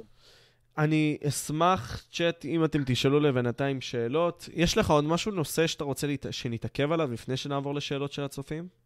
אה, אולי איזה פנייה למורים. לפני שהגעתי פה לשידור, מישהו שמורה כתב לי בצ'אט של מורים, בקבוצה של מורים, שמדברים עליי. אז רוב המורים כמובן דיברו אה, מצוין, ובאמת מזדהים, ואומרים שמה שהקפתי זה באמת בעיה, והם מזדהים, והמורים אמיתיים. יש מורה, תמיד אחד, שניים שאומרים מתלהם. כן, אני מתלהם, אני לא אחד שמוריד ראש ומדבר בשקט. להוריד ראש ולדבר בשקט, יש הרבה כאלה בוועדות החינוך, ובסוף שומעים אותם וממשיכים הלאה. זה שאני מרים קול, אני אומר בקול גבוה, כן, ואני גם מתעצבן, ומותר להתרגז, זה בסדר גמור, זה אנושי, זה אנושי להתעצבן, אבל לומר את הדברים נכוחה. אל תדבר לגופו של אדם, דבר לגופו של עניין. אותם טיעונים שהאדם מציג, תדבר עליהם ולא ברמת קול שהוא הרים, הרים קול, או פתאום נהיו רגישים במדינה, אם מישהו מרים קול בדציבל גבוה, זה פתאום אה, אה, קשה להם. ודבר נוסף, שאם המורה הזה וחבריו היו עושים את העבודה, אז אני לא הייתי צריך להתלהם. לא תחביב לעמוד ולייצג אה, תלמידים ברמות קושי כאלה, לקבל וואטסאפים, אפילו אם אני אעשה ניסוי קטן, בזמן הזה שאני מדבר איתך, כל הוואטסאפ שלי מתמלא. אז זה לא הכי נחמד, אני עושה את זה, הייתי שמח לא לעשות את זה, כי אם, אם המערכת הייתה מטפלת בזה בעצמה, אז גם לא הייתי צריך לעשות את זה. בדיוק. כלומר, המענה שאתה נותן עכשיו לא הרלוונטי, כי המערכת עושה את העבודה הטובה. בדיוק. נאמנה. ברור. ושוב, תקשיבו לשטח, ואני חושב שאני מייצג את השטח, תקשיבו לשטח, טפלו בבעיה, לא תהיה בעיה. אה, בינתיים אני אתחיל לשאול שאלות של צופים. אתה חושב, אה, אני רוצה להעלות אותם, אבל אני שואל את עצמי, האם כן? Uh, טוב, פה לזום זה טיפה בעייתי, צ'אט, אנחנו ננסה פעם הבאה לעשות דרך הדיסקורד, מהסיבה פשוטה שיהיה uh, יותר נוח דרך הדיסקורד. בינתיים תשאלו דרך הצ'אט, כמובן נצ... נגיד את השם שלכם והכל, וזהו. טוב, אליאב פה שואל אותי, שואל רציני, למדת את הסיפור יקון? אם כן, זה באמת עניין אותך. האמת, כל יצירה ספרותית שלמדתי בתיכון עניינה אותי, אבל זה כי אני אוהב יצירות ספרותיות ואוהב פילוסופיה. אבל uh, לגופו של עניין, אני מאמין שדווקא ספרות, לפחות אצלי, במקרה האישי שלי, לימדו טוב. Uh, טוב, שאלה לעובד. עומר, אני תלמיד כיתה י"א, חמש, כאילו חמש יחידות, וניגש לבגרות קיץ. הבגרות אמורה להיות יותר קלה לי? אה, עוד פעם, אנחנו לא יכולים לדעת מראש. בגלל שזו החלטה של אדם אחד, זה לא יושב ועדה שיושבת ומשדרת לנו מה הולך להיות, מה לא הולך להיות, זה אדם אחד. אני מניח שבחינת הבגרות תהיה דומה לזו שהייתה בחורף הזה. זאת אומרת, תיקח את הבחינת בגרות שהייתה בחורף הזה, זה הממדים שמחכים לך. ואתה גם צריך להתאמן מעבר לחומר, תראו שעוד פעם, אני מדגיש, לא בהכרח השאלות קשות, מקריאה חוזרת, הן פתאום קלות, להתחיל להתמודד עם זמן.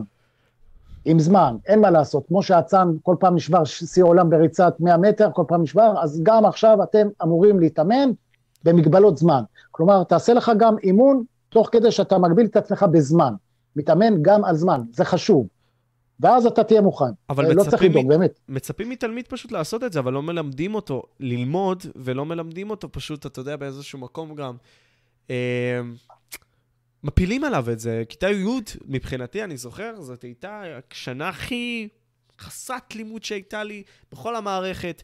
אף פעם לא למדתי הכי פחות ככה, וזאת הייתה לדעתי אמורה להיות השנה שהייתה אמורה להכין אותי לי"א וי"ב.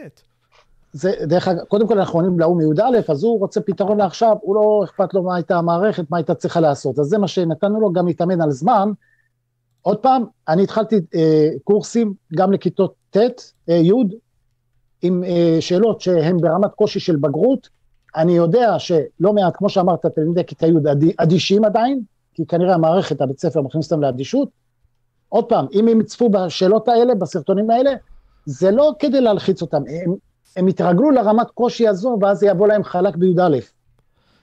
יש פה הרבה מאוד אנשים, כמו פרודגוד, אמיר פרנקל, משה מ', שואלים, מה הוא חושב, מה עובד חושב על תוכנית בר אילן? אה, יופי, טוב שהוא שאל. יש לי תלמיד עכשיו בכיתה ה', שאני מלמד אותו אישית, ואנחנו פותרים כבר את שאלון 581. אוקיי. Okay. הוא כבר יודע כמעט כל שאלון 581, אני לימדתי אותו. וואו. שאלו, אמרו לאמא שלו, כן, אמרו לאמא שלו, אה, אה, לקח אותו, למה את לא לוקחת אותו לתוכנית בר אילן? אמרתי לה, עזבי, הילד, תוכנית בר אילן היא תובענית, היא לוקחת לך את כל חיי החברה ואת כל הדברים מסביב ומכשירה אותך רק לזה.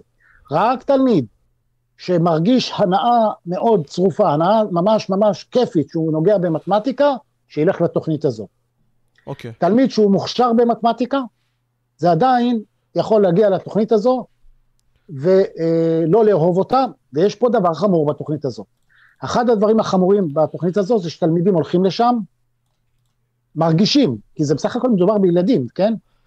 ילדים צעירים, ז', ח', חלק ו', אבל צעירים שבסוף לא מסתדר להם, לאו דווקא בגלל שהם לא יודעים מתמטיקה, לא מסתדר המסלול, הם עוזבים והם מרגישים חוסר ביטחון והם מרגישים שהם נפלו.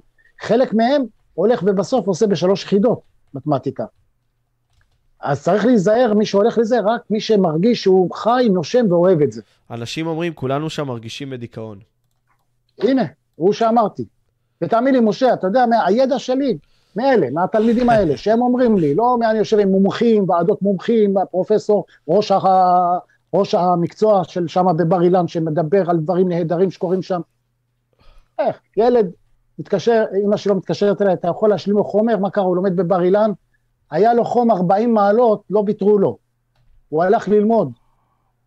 החום ירד טיפה ל-39, אז הוא התחיל לנשום, אז הוא הלך, כדי לא להפסיד חומר. התנאים האלה לא אמורים להיות כאלה, כלומר לא, זה... לא, זה בסך הכל ילדים, חבל לאבד את זה. למה אמרתי מי שאוהב מתמטיקה? זה כמו שהוא אוהב כדורגל, אז הוא נהנה מזה, כיף לו. אז שילך יעשה את זה, הוא לא יסבול. אבל מי שהוא מוכשר במתמטיקה ולכן מפנים אותו לתוכנית הזו, כדי שיוציא בגרות מוקדם יותר, זה לא מועיל. מה חבר'ה, מה אתם מקצרים את החיים? תלך, שחק אותה, תלמד בכיתה רגילה, תהיה תלמיד מצטיין, איזה כיף להוציא כל מבחן ציונים טובים, טובים, טובים, י"א, י"ב, 95, 100, 98, אתה מאוכזב, מוציא 100, כל... אתה גדל כל פעם עם פרגון חיובי, איזה נכון. טוב אני, איזה ציונים טובים, וזה טוב, זה חשוב, תסיים י"ב בציון גבוה מאוד, תלך לאוניברסיטה, התחכה, התחכה, לא צריך למהר, אין מה למהר, זה לא נותן יתרונות אה, רבים לסיים. כל דבר בעיתו, באמת, כל דבר בעיתו. כל דבר בעיתו. נועם, קודם כל מסר חדש, נועם נמצא פה בצ'אט, כן? אה, נועם, אחלה, אחלה, אחלה נועם שבעולם, באמת, באמת. Um, אני, אני באמת, קודם כל, uh, מאמין שלבוא ולרתום את עצמך, כמו שאתה אומר, למין סוג של פרויקט מסוים שהוא כה... לוקח ממך כל כך הרבה, גם בין אם זה זמן, בין אם זה כוח, בין אם זה גם מחשבה. אתה יודע, המנטליות זה דבר מאוד חשוב גם לילד כן. עצמו. כאשר אתה בא ומעייף אותו מנטלית, זה משתחרר להכל. הוא מזניח את עצמו, אתה בגיל צעיר לבוא ולעשות את זה.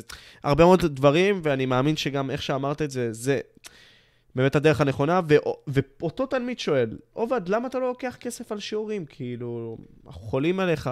איזה שיעורים? על שיעורים שאתה עושה. מה, ביוטיוב? כן. אתה יודע, ביוטיוב יש, אתה מכיר את זה, יש אה, חבר מועדון. נכון. אז, אז אה, לדוגמה, ככה זה מאפשר ליוטיובר לגייס קצת כסף, זה בסדר גמור, זה מצוין. אבל אני חשבתי, טוב, איזה מתנות לתת? אה, קבוצת וואטסאפ, אבל אני גם ככה פותח לכם קבוצת וואטסאפ, כל מי שזה יכול להיכנס, ליהנות. מה עוד? אה, סרטוני ברכה. אני גם עושה סרטוני ברכה בלי תשלום. אז, אז לא היה לי איזה מתנות, אז אני לא פתחתי מועדון. אבל בסדר, אני, נהנה מזה וטוב לי עם זה, זה קשה, חברים, זה קשה, זה טוב לי, אנשים אומרים, יש לך סיפוק. אני לא יודע אם לקחת כל פעם לשבת, לשבת, לשבת, לשבת, לפתור, זה זה. אתה עושה את זה, זה, זה כיף, בשורה התחתונה בסוף זה כיף, ואתה מרוצה מזה ואתה אוהב את זה, אבל אתה חוזר הביתה לפעמים מאוחר, ואז אתה פותח איזו הודעה ומישהו אומר לך, אה, בזכות ככה וככה וככה, אני הצלחתי ככה וככה, אתה אומר, טוב, יאללה, קום, בואו נקליט שני סרטונים. ואם זה הפוך, אז אה, זה הפוך. אה, כמו הרבה מאוד דוגמאות בעבר, כאילו שאנחנו כן. זוכרים. טוב, נשאל עוד איזה, נראה לי, שתיים, שלוש שאלות אחרונות, במידה ותרצו יותר אפשרי. אנשים אומרים, אני אעשה חבר מועדון, תפתח כבר, כל מיני כאלה, רק שתדע. לא צריך. שתדע. תשאל את עובד מה הוא חושב על כיתה מדעית בחטיבה וכיתות מופת. מעניין. בחיים לא שמעתי את הדעה שלך על זה. זה, זה באמת פר בית ספר. יש בתי ספר שעושים המגמה הזו, נקרא לזה מגמה הזו, עושה דברים יפים, ויש כאלה שלא עושים את זה כל כך יפה. עכשיו, בחטיבת ביניים למורה אין את הלחץ של תיכון, ולכן הוא יכול לעשות, לקחת ולעשות מזה דברים יפהפיים, דברים יפהפיים. אז אני דווקא בעד כל מי ש... עוד פעם, יש סכנה בזה. מי שאוהב את הדברים האלה, מדע ודברים כאלה, שילך. יש לפעמים איזה לחץ חברתי, שהורים או זה חושבים כאילו, וואו, הנה כל הטובים, נכון, הם במדעית או במופת, אז גם אני רוצה להיות. כן. בגלל ש... זה, אבל אין לך נטייה לזה, אין לך אהבה לזה, אין לך המשכה לזה, לא ללכת. יש לך אהבה למדעים, לזה, אז לכו לזה, אז בהחלט תלכו לזה. היתרונות שאני לפחות ראיתי, זה כי אני הייתי בכיתה מדעית, היתרונות שראיתי זה שהייתה קבוצת למידה שלפחות היית יכול להשתייך אליה וללמוד בה. כלומר, הם היו לומדים. בכיתה רגילה, במעט הפעמים יש לך את זה, כלומר ביח, ביחס אנחנו נאמר, כן? מופת לגמרי זה שונה מכיתה מדעית, לפחות בהוויה האישית שלי, הרבה יותר חנונים כאלה, וזה בסדר, כאילו, אין, כן, אין מה רע כן. בלהיות חנון, אבל פשוט הם מתמקצעים בלהיות חנונים, וזה בסדר. אה, אני פשוט מאמין שהכיתות הללו, הן מהוות סביבה למידתית טובה, השאלה היא אם זאת ה... זה הרצון שלך. אתה רוצה להצטיין? מגניב, שווה. אם לא, פחות.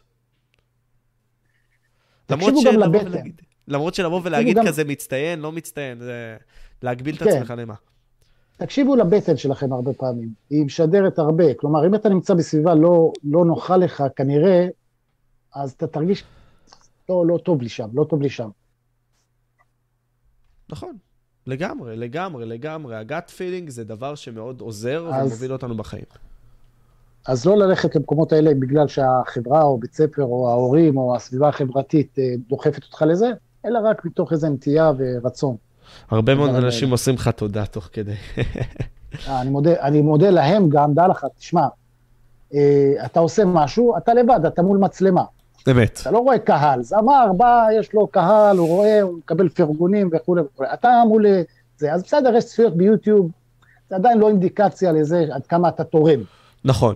כוח מעשי. פותח, ואז אתה פותח טיק טוק, יש לי טיק טוק, אז אני פותח פתאום, עושים עליי טיק טוקים, פתאום ככה, פתאום כותבים עליי, או, ואז... אני לא יודע, איך אמר, כתבו עליו בעיתון והוא לא ידע שהוא כזה. אני לא ידעתי שאני ככה תורם בצורה כזו. אז זה באמת מחזק אותי, זה, אתה יודע, פגשתי לא מזמן, סלפים, יש לי סלפים ברחובות, כאילו, ואני גאה בזה, אתה יודע למה, משה, אני גאה? כי אני לא דוגמנית ואני לא שחקן ואני לא אה, השתתפתי בתוכנית בישול. נכון. הבנת? לא פליט של האח הגדול. תלמידים שבאים, מצטלמים עם מורה למתמטיקה כסלפי, זה לא רק גאווה בשבילי, זה גאווה לנוער בישראל ולחינוך הזה בישראל, החינוך הזה שאנחנו, גאווה לנוער. אני סופר איזה, מסכים איתך. איזה חומר יש לנו פה במדינה, רק להשתמש בו נכון. רק להשתמש בו נכון. זהו, כאילו. זה מה שלא עושים דווקא, להשתמש בו נכון. הסביבה עצמה היא, בוא נראה, אקסטזי שאומר, הסביבה עצמה היא לא הכי טובה, היא משרד החינוך, ורק לדבר על זה, נניח שילד אוהב מקצוע אחד וישקיע בו, הוא יש, ישר דוח בשאר המקצועות, ומשרד החינוך מדכא את התלמידים והילדים בתוכנית הלימוד שלהם, מסכים. אליאב, אתה יכול לשאול את טוב את השאלה הזאת, אתה, אתה חושב שהעובדה שאנחנו בשנת 2023 ועדיין לומדים ספרים כל כך ישנים ומוזרים, לא מורידה מהחוויה הלימודית? אולי עדיף במקום זאת ללמוד ספר דרך האינטרנט? כן, אבל הוא מדבר על הקטע הפיזי, שהספר יהיה דרך, או... אני או, מאמין שפשוט... או הש...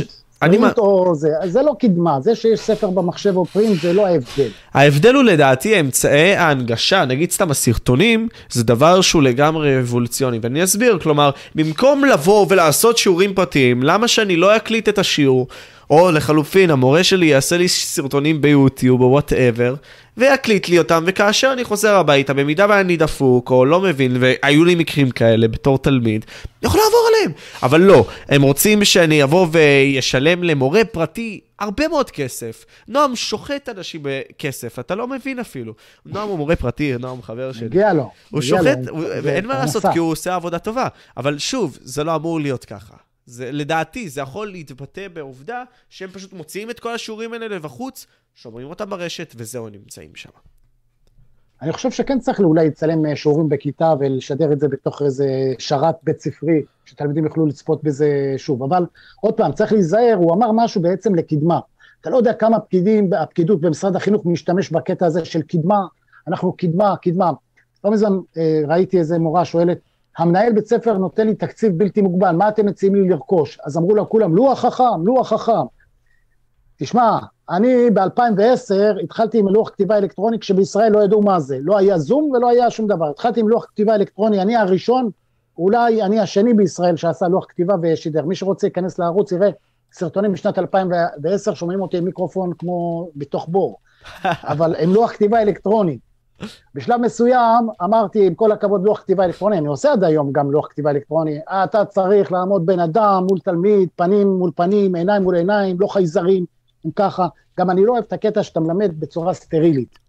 כאילו, יש גרף שתלמיד לא יודע לשרטט, ואתה עושה הופ הופ הופ, והתוכנה, ואתה עושה, סובב את הפירמידה ימינה, שמאלה, למעלה, ואומר, אתם רואים, הנה זה פה, הנה הצ... זה לא. תסביר לו בכלים שהוא משתמש בהם. לגבי קדמה אני מציע שהצורת לימוד ואופי הלימוד יהיה שונה. ושוב, לא כל מיני פטנטים, בואו נעשה עבודות. יש מקצועות אינסופיים שאפשר ללמוד אותם באופן עצמאי, זאת אומרת שמורה יכול להיות בכיתה רק מנחה, ויהיה קורסים אינטרנטיים שתלמידים ישבו בכיתה, לא צריך שישבו בבית כי הם צריכים איזושהי מסגרת, ישבו עם אוזניות, וכל תלמיד מתקדם בהתאם לסרטון והמורה רק מדריך אותו ומנחה אותו. כמה אפשר ללמוד מחשבים ותכנות, וגם זה יכול להיות דיפרנציאלי, כאילו כל תלמיד לומד בקצב שלו, הוא אפילו לומד תחומים אחרים. כאילו בכיתת מחשבים אחד לומד ג'אווה ואחד ילמד פייתון. והמורה שאמור להכיר את כל הנושאים האלה, הולך ועושה הדרכה. זה לדוגמה אה, אה, קדמה לדעתי. זו אני... קדמה, כי אם, כי אם אני, אני טוב בשפה מסוימת, מכריחים אותי ללמוד את השפה הזו, לא, אני רוצה ללמוד את השפה האחרת. בדיוק. אז אני אפתח קורס בכיתה, אשב עם אוזניות ואצפה בקורס ואכין את התרגול שיש שם. והוא לידי, תלמיד לידי, לומד שפה אחרת. ואותו מורה רק יושב ומתמרן אותם ומשגיח ומדריך. אני חושב שאתה יודע, ככלל אצבע אפשרי להגיד שמי שלומד הכי מהר, בהתאם ל... בוא נגיד ככה, לזמן הרלוונטי שלנו, לזמן הנוכחי, הוא מצליח בשוק. כלומר, מי שלומד הכי מהר, מי שיודע איך ליישם את זה גם, עושה את זה. אני נגיד סתם הייתי לומד לבגרויות שלי דרך היוטיוב, לא שמחתי על המורים, כבר לא היה לי כוח, הייתי בז אליהם. באמת, באמת, באמת. Uh, למה? כי במקום מסוים הם פשוט לא עשו את העבודה שלהם טוב, וידעתי שאני צריך להציל את עצמי ולפתוח את הראש. עכשיו, על אותו עיקרון גם מורים לדעתי, כלומר, מספיק לבוא ולדעתי באיזשהו מקום, להישאר רק על המערכת כל הזמן. מוזר לי ביותר שאין מורים ברשת שהם כמו עובד. ואני לא מדבר עכשיו על הפרסונה, אני מדבר להעלות שאלות לרשת בצורה מתמדת. זה הזוי, אני לא מבין את זה. איך זה עובד, עובד? כאילו, עד כדי כך כולם פשוט צאן לטבח. כלומר, אה, כמו שדיברנו פעם על השיר הזה של We Don't Need No Education, אתה רואה אותם בשורה הולכים. כן. זה הזוי, זה הזוי. זה הזוי. כן. זה באמת הזוי. אה, אבל כי רק, רק אנחנו יכולים להציל את עצמנו, לדעתי, כמו שאמרתי. טוב, אה, הרבה מאוד שואלים, אה, וואו, כמה שאלות. אתה חושב שלמרות שאסור לדחוף דעות פוליטיות, קקטוס GD שואל, עובד. כן, שמה? האם כאילו דוחפים דברים פוליטיים בעצם ללימודים שלנו, מעבירים את המסרים האלה? אני חושב שכן, אני אשמח לדעת את הדעה שלך. כן, תראה, מכניסים נושאים פוליטיים, לא ממש בצורה בוטה וקיצונית, כמו איזה מדינת עולם שלישי, שמאדירים את המנהיג או משהו כזה, אלא יש לדוגמה כאלה שרוצים יותר דגש יהודי בפן הדתי, ויש כאלה אומרים לא צריך אה, דברים דתיים להכניס לתחומים האלה, אבל אתה יודע למה אני לא מוטרד? כי מערכת שלא יודעת ללמד תחומים אחרים, גם את זה היא לא יודעת ללמד. ואני אומר לך, שכאילו אם אתה מנסה להכניס לתלמיד, יש גישה שכאילו התלמידים, אה, מלמדים אותם והם כמו תוכים קולטים. זה לא נכון, זה לא נכון, זה לא, זה לא עובד ככה. ככל שמדובר בדור מתקדם יותר, בתלמידים משכילים יותר, חכמים יותר, לא כל מה שזה הם קונים. אבל אם אתה רוצה להחדיר בהם ערכים, אל תעשה את זה דרך בית ספר או דרך שיעורי חובה, כי הם פשוט קולטים, פולטים. הוא ילמד, יעשה את המבחן. שנה, שנייה אחרי זה הוא לא יודע מי זה, ניסית להחדיר לו הכותל חשוב, זה חשוב, הוא לא יודע, זה לא מעניין אותו. אבל אם תנסה לעשות לו שיעורי העשרה, זה בסדר, אני, אני חושב שאפשר לעשות ערכים, אני לא יודע מה זה פוליטים, שאומר פוליטים, מה זה פוליטים, כלומר, יבוא מישהו יגיד, אה, ארץ ישראל זה פוליטי. לימודי מגדר, סתם דוגמה. אה, כן, השאלה מה, מה מלמדים, זאת אומרת, אני חושב שאם, אה, איך, יש פעם איזה משפט שאומר, יש דבר אחד שהוא מכסה את הכל. אם אתה מחנך נוער, אתה לא צריך ללמד אותם דבר ספציפי, מגדר, זה, אתה יכול ללמד אותם לסובלנות, לכבד את האחר ולחוסר שיפוט, שיפוטיות, אל תשפוט אף אחד, אל תדון אף אחד עד שתגיע למקומו, אתה לא תקבע לאף אחד, לעשות ערכי יסוד, ערכי אל יסוד. אל תביא אידיאולוגיה. בדיוק, ערכי יסוד, מה זה ערכי יסוד? אני לא פוגע בך בחופש, אתה לא פוגע לי בחופש, אני לא קובע לך איך לחיות, אתה לא קובע לי איך לחיות, כל עוד אני ואתה לא מפריעים אחד לשני. אה, אפשר לעשות דיונים, כי יבוא אדם דתי, יגיד, אם אני רואה שני גברים מתנשקים ברחוב, זה מפריע לי. אז אפשר לעשות את הדיון ולהגיד, לעשות דיונים על הדבר הזה, בסדר? אבל אי אפשר לבוא לעשות דיון ולהגיד, אה, זה, בצ... תראה, בבתי ספר דתיים כן עושים פוליטיזציה, אה, אבל רק מצד אחד, כן? הם באים, מסבירים להם זה. אתה לא תראה בית ספר דתי שיביא אה, מישהו חילוני שיאמר משהו מהצד השני. אז אם עושים משהו, צריך להביא משהו מהצד השני, מהצד השני. אבל תמיד שהשיח יהיה כמובן מכבד וראוי, אבל ערכי יסוד, ערכי יסוד. אבל אתה יודע מה, זה זמנים טובים, אם בבתי ספר עוד ילמדו, אז זה בסדר. אני יודע, טוען שהם לא מלמדים כלום, אז גם את זה בטח שלא. אני מאמין, כי שוב, אותם מורים גם שמאיתם אנחנו מצפים כל כך הרבה, לדעתי, כן, מורה מבחינתי הוא גם באיזשהו מקום מורה דרך. כלומר, באמת, בשפה הברורה הזאת, מראה לי גם מחוץ לשיעור מה זה להיות בן אדם. מה זה להיות איש של חוכמה ותבונה וכל מיני כאלה, אבל תבוא ותספור אותם, הם מעטים שוב, כי המערכת היא כזאת, ואין להם תמריץ לבוא ולהיות במערכת כזאת, שמונעת מאיתם נכון, לחשוב. הוא לא עצמאי, הוא לא... אתה יודע, לפעמים קורה משהו מזעזע בבית ספר, לא מתאים לי להיכנס לכיתה, אני לא מלמד שם, אבל לא מתאים לי להיכנס לכיתה, אחרי שיום לפני זה הייתה אלימות קשה במסדרון, וללמד רגיל, שלום, בואו נלמד היום פרבולה. צוחקת, הזוי. בוכה, עצובה. אני רוצה לעצור את הלימודים ולדבר על הדבר המזעזע שקרה אתמול בבית ספר. אני לא יכול לבוא להמשיך כאילו לא קרה כלום. זה יותר חשוב לי מללמד אותם את אותו שיעור שהכנתי. אבל לא יגידו, יגידו לי, היי, יש מבחן, עוד יומיים, אתה צריך להספיק, עוד לא הספקת, קדימה, רוץ, רוץ. אז לעבוד במערכת כזאת אה, מונעת ממני להיות ערכי, אלא להיות... רובוטי. ישר קו. מכני. כן, כן. אה, אוריאל אפי אומר, תמסור לעובד שבזכותו אני חמש יחידות. אה, כמה אנשים אומרים דברים כאלה. כן, אני אוהב לשמוע את זה. אני, אני אוהב לשמוע את זה שוב, ואין סוף, ותמשיכו להגיד את זה כל אחד שבאמת, זה קורה, כי זה, אה, זה פשוט מחזק, זה גם, זה המשוב, אפרופו שדיברנו, משה, משוב, זה המשוב שאני מקבל מהשטח. אתה מועיל או לא מועיל. בדיוק. אז אני מועיל, אז אני אמשיך לעשות. ואמשיך ואמשיך ועוד יותר. זה חשוב, להיות מועיל. ככה גם אני כאילו חי לגמרי. אם אני לא מועיל, אם אני רואה שאני לא מספיק משפיע, אני צריך לעשות יותר, ללא ספק. נכון. ותומר סבר שואל, לא, כאילו, בעיקרון אנחנו דיברנו על זה בפודקאסט הקודם, בקטנה אני פשוט אבוא ואחדד, הוא שואל למה ההבדלים כל כך גדולים בין 5 ל-4, ולמה לא פותחים יחידה בין 5 ל-4, במידה ויש נגיד סתם הבדלים מאוד גדולים. אה, אבל, ופה אני אגיד, מהסיבה פשוט, איך שאני רואה את זה, ואני אשמח לשמוע מה יש לך להגיד, זה העניין של המדרגות. כלומר, יש מדרגות בין כל תחום, בין כל יחידה והכל. מהסיבה הפשוטה הזאתי, יש הרבה מאוד מדרגות עד שאתה מגיע לחמש יחידות. מארבע יחידות. וגם בשלוש על אותו עיקרון. אז זה יותר מדי מדרגות לימוד שאתה צריך לעבור. בסיסים מסוימים וכל מיני כאלה. זה לדעתי. הבחינה של השנים האחרונות היא כבר העלתה את ארבע יחידות לכמה צעדים קדימה, כמה צעדים קדימה ממה שהם היו בעבר. יש, צריך לעשות הבדלים, אה, לעשות הבחנה. הפער, כאילו, ארבע יחידות, היית יכול לצלוח ארבע יחידות, גם אם אתה אדם טכני, עזוב אותי, לא רוצה יותר מדי, בוא תלמד אותי טכניקות, איך לפתור, והייתי מצליח לעבור את ארבע יחידות, בחמש יחידות זה כבר היה בעיה, יש שם מיקוש, כלומר, מוקש.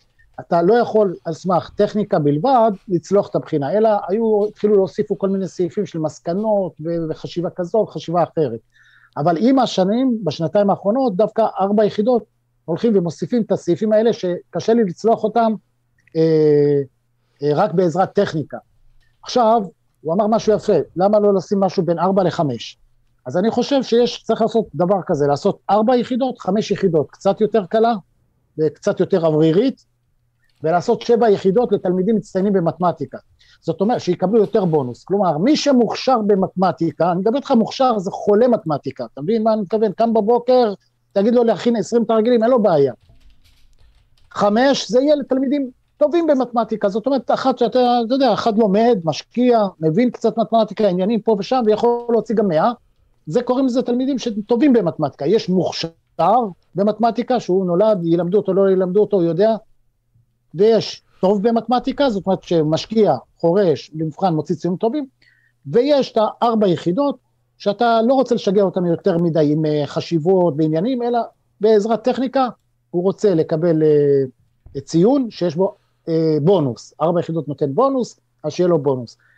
כדי להבדיל בין מי ששואף להיות מתמטיקאי לבין מישהו שהוא רוצה את הבונוס הזה של החמש יחידות או של הארבע יחידות. אני רוצה לקבל את הבונוס של החמש יחידות, להתקבל לרפואה, לא מעניין אותי אחר כך, לא רוצה מתמטיקה ולא רוצה לשמוע ממנה בחיים יותר, לא אוהב, אבל עושה את כל המאמצים כדי לקבל 100, לקבל את הבונוס ולהתקבל לרפואה. אבל היא לא מעניינת אותי המתמטיקה, אני רוצה לזרוק אותה אחרי זה. לגמרי, לגמרי. אז צריך לעשות את האפיקים האלה.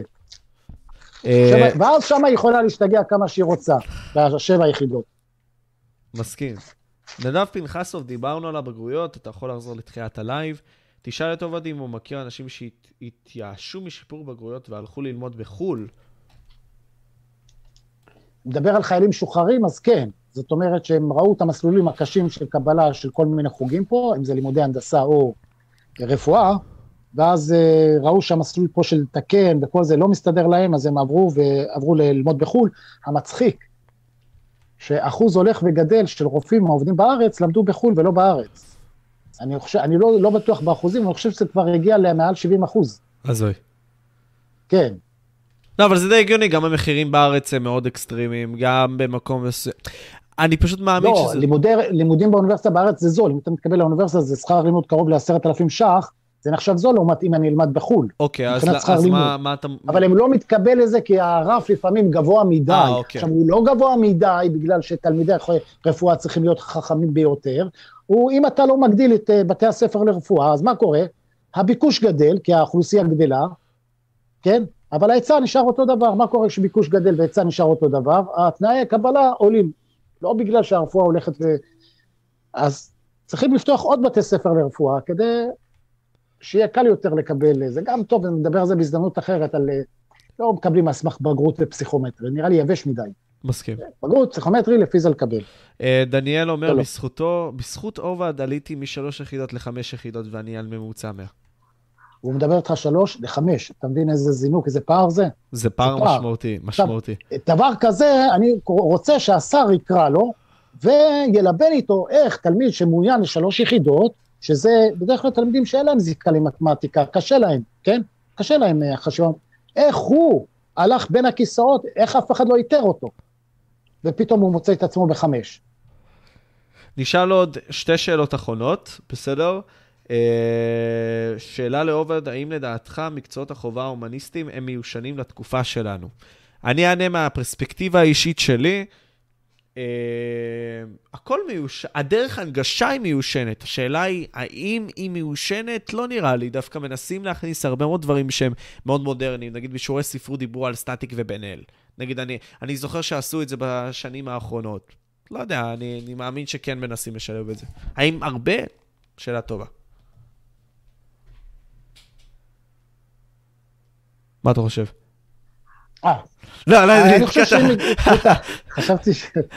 אני חושב שאם... אה, להיות יותר גמישים, לעשות את זה יותר fun. אני, אני, אני, אני מת ללמד לימודים, אה, אני, אני רוצה לעזוב את המתמטיקה, רוצה ללמד תנ"ך. אני רוצה ללמד תנ"ך, לא מתמטיקה, לא משוואות, לא זה. אני רוצה ללמד תנ"ך, כי זה, אתה יכול ללמד שמה באותה דרך פחות או יותר כמו שמלמדים היום, אלא לפתוח את זה לאפיקים אחרים. אתה יכול לספר סיפור, להתחיל לפתוח דיון פילוסופי. המשימות שתיתן לתלמידים זה מצגת, אני רוצה שתכיני מצגת, תכיני הרצאה בנושא זה וזה, קבוצה כנגד קבוצה. הייתי עושה, אה, ועל זה נותן ציונים, לעשות, אה, אה, מעלים למשפט דמות היסטורית.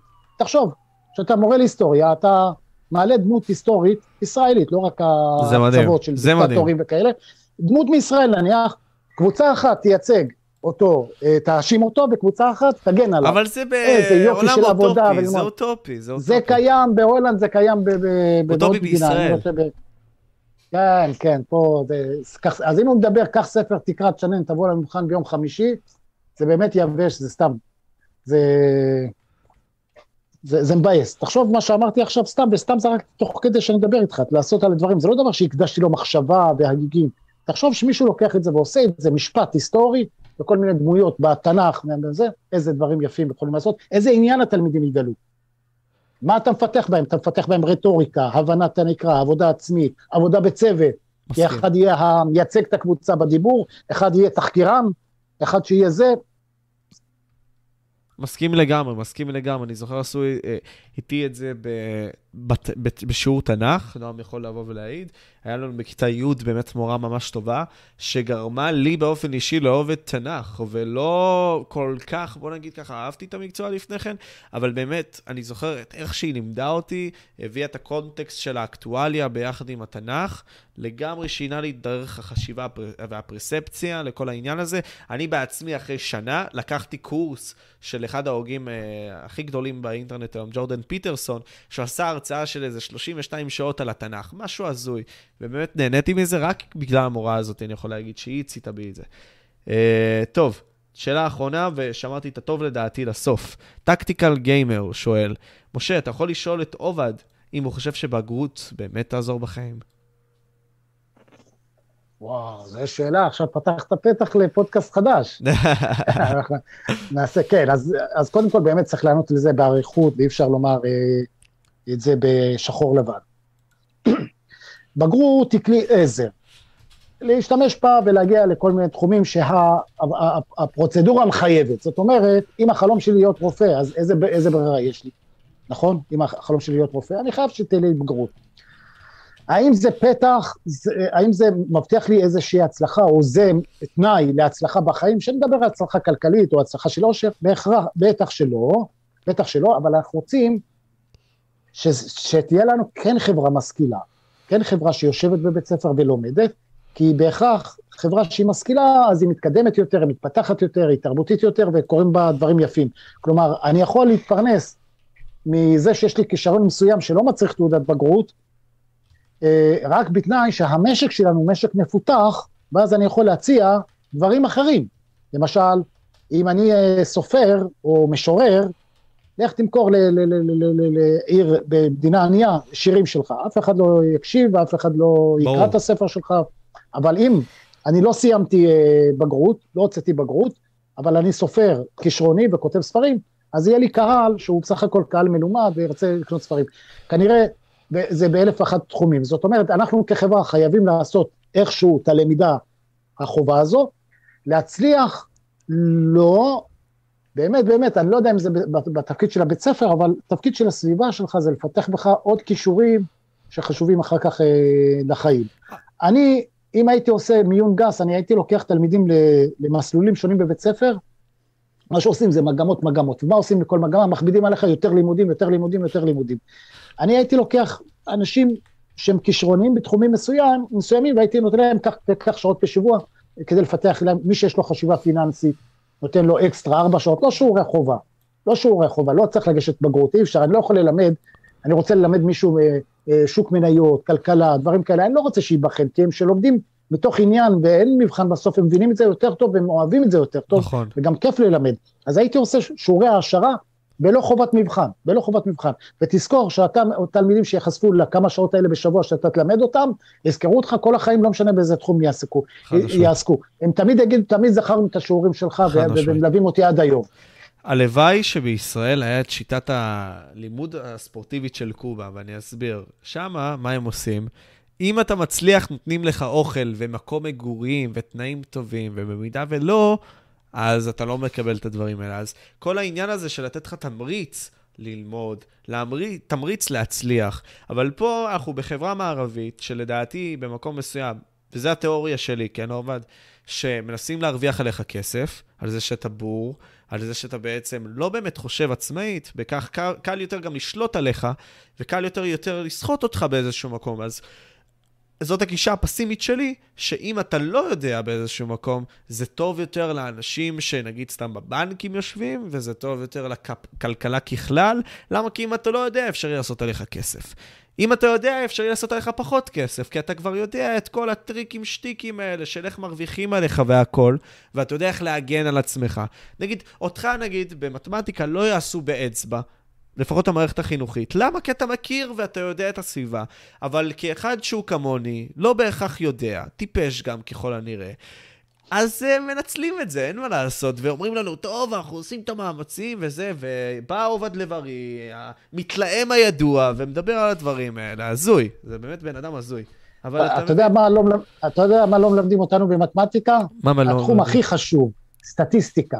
סטטיסטיקה, כמו שצריך, אבל סטטיסטיקה אה, פוליטיקאים כל מיני כאלה זורקים לנו סיסמאות, הממוצע ככה, זורקים לנו נתונים, אנחנו לא יודעים לאבד אותם. אם תלמד סטטיסטיקה, תדע איך להתייחס לנתונים, וזה דבר שכן יגרום לך להיות ביקורתי ולהבין מה קורה. עוד דבר, מדברים עכשיו הרבה, צריך ללמד את התלמידים כלכלה, יבינו התנהלות כלכלית. מי ילמד אותם? הבנק, בנק הפועלים ילמד את התלמידים, הלוא בנק הפועלים צריך אותך שפוט שלו, שלוקח ממנו הלוואות, מישהו שעובד לו כל הזמן. הוא ילמד אותך להיות גאון פיננסי, הלוא מה זה החוכמה הפיננסית? שאני לא צריך את הבנק. לא צריך את הבנק, אני נכנס היום לבנק, אני לא צריך שיעשה לי טובה, מישהו ייתן לי הלוואה, כן? אז הם לא צריכים אנשים ככה שנכנסים לבנק ואומר לו, אני לא צריך ממך שום הלוואה, אה, זה. הם צריכים אנשים שזקוקים להם. היום בנק מחזר יותר אחרי אנשים שנכנסים לאוברדראפט, חובות, כי הם מפרנסים את הבנק. הוא לא מחזר אחרי אנשים שיש להם כסף. דרך אגב, פעם היום אומרים, אם יש לך כסף, הבנק יכבד אותך. היום הוא כבר לא מכבד אותך, אתה יודע למה? נניח שיש לך מיליון שקל, ככה spare, נכון? אתה מצפה שתיכנס לבנק, בטח תזכה לכבוד. זה לא מאבן, לא מעניין, הבנק יש לו ספיירים של מזומן, הוא לא צריך את המיליון שלך, יש לו ספיירים כדי להלוות אותם ולהשקיע אותם לאנשים. את מי הוא צריך? את זה שלידך, שנכנס לו חובות, משלם על הלוואות, משלם ריביות, הוא מעשיר את קופת הבנק. אתה לא מעשיר בכלום קופת הבנק. אז הם רוצים שילמדו אותנו כלכלה, נו באמת. נכון. התנהלות פיננסית. והכל, הכל גם מסתכם בזה שפשוט המורים באיזשהו מקום לא יודעים מה הם מלמדים, ובעצמם הם עניים, ובכך אם הם מלמדים כלכלה, אז מה הם מלמדים אותי כלכלה מבן אדם שלא באמת יודע מה זה אומר לשמור על כלכלה ביתית נכונה. וזה, כל הדברים האלה פשוט הזויים, זה, זה עולם הזוי שאנחנו בו חיים, עובד, ומעניין לבוא ולחיות בו, מה שנקרא, באמת, באמת מעניין לחיות כן, בו. כן, כן. טוב, אה, אני חושב שאני אתן לך עוד איזשהו משהו לבוא ולהגיד ממך. אה, מסר אחרון שאתה רוצה לתת לקהל, לקהל הצעיר, אתה יודע, הצעירים האלה, שבמקום מסוים, כן. אתה יודע, אני אומר לעצמי, ואני שואל את עצמי כל שנה שעוברת, אני מכיר אותך כבר מ-2021 בערך, אפילו לפני, אתה יודע, ואני אומר לעצמי, כל שנה עולה השאלה הזאת, מה הצריך, הצעירים צריכים לעשות, או מה, מה אנחנו הצעירים צריכים לבוא ולעשות בשביל ליצור שינוי. כי, אתה יודע, הייתי איתך כבר תקופה, וראיתי את הניסיונות שאתה ניסית לעשות, ולא באמת היה משהו שאפשרי לבוא ולהגיד שהתלמידים עשו. השאלה היא האם, האם התלמידים צריכים לעשות, מי צריך לעשות? כי יש פה דברים שהם לא בסדר. אז הם צריכים עכשיו לקחת עיפרון ודף, לרשום את מה שאני אומר עכשיו, ולפתוח את זה בעוד כך וכך שנים אחרי שהם יצאו מהצבא. אחת הבעיות שלנו, חברים, זה אתם עכשיו אני אלמד מתמטיקה ונוציא אחד יותר, אחד פחות, יהיה בסדר. הבעיה שאנחנו יוצאים מהצבא ואנחנו הופכים להיות אנשים ישראלים טיפוסים, אנשים קצת ברוטליים, אנשים שמרמים, אה, מחליקים דברים, התנהגות קצת גסה, אה, אה, מלאכת רמייה, יש פה בישראל הרבה עניין של רמאות, אה, כוחנות, אה, דורסים אחד את השני, אנשים לא חברותיים וחברה שחושבת שאני, שאני הגדל על ידי זה שאני דורס את האחר ודורך עליו. אם תרשמו לכם את הדברים האלה, כש, כשתצאו מהצבא, אל תהיו כאלה, דיינו. אנחנו נהיה חברה הרבה יותר טובה, ויהיה מקום לכולם, ויהיה כסף לכולם, ויהיה, וכולם יחיו פה באושר, ומחירי הדירות יהיו, יהיו זולים, וכולם יהיה להם בסדר. רק לא להיות דורסנים אה, בצורה הזו. לא מזמן מישהו דיבר איתי, אומר לי, תראה, היה, שהיינו ילדים, אז היה קמפיין שלא לקטוף פרחי הבר, רקפות, כלניות, ואיזה יופי, היה קמפיינים כאלה, ודיברו וחינכו אותנו בבית ספר, ובאמת לא כתבנו. אמרתי לו, נכון, לא כתבנו. אז באו הקבלנים והם שופל הורידו את כל הגבעות האלה עם הכלניות ועם הרקפות. נורא. אז, אז תהיו חברה ערכית, תהיו אנשים ערכיים, כי זה מה שמנצח בסוף.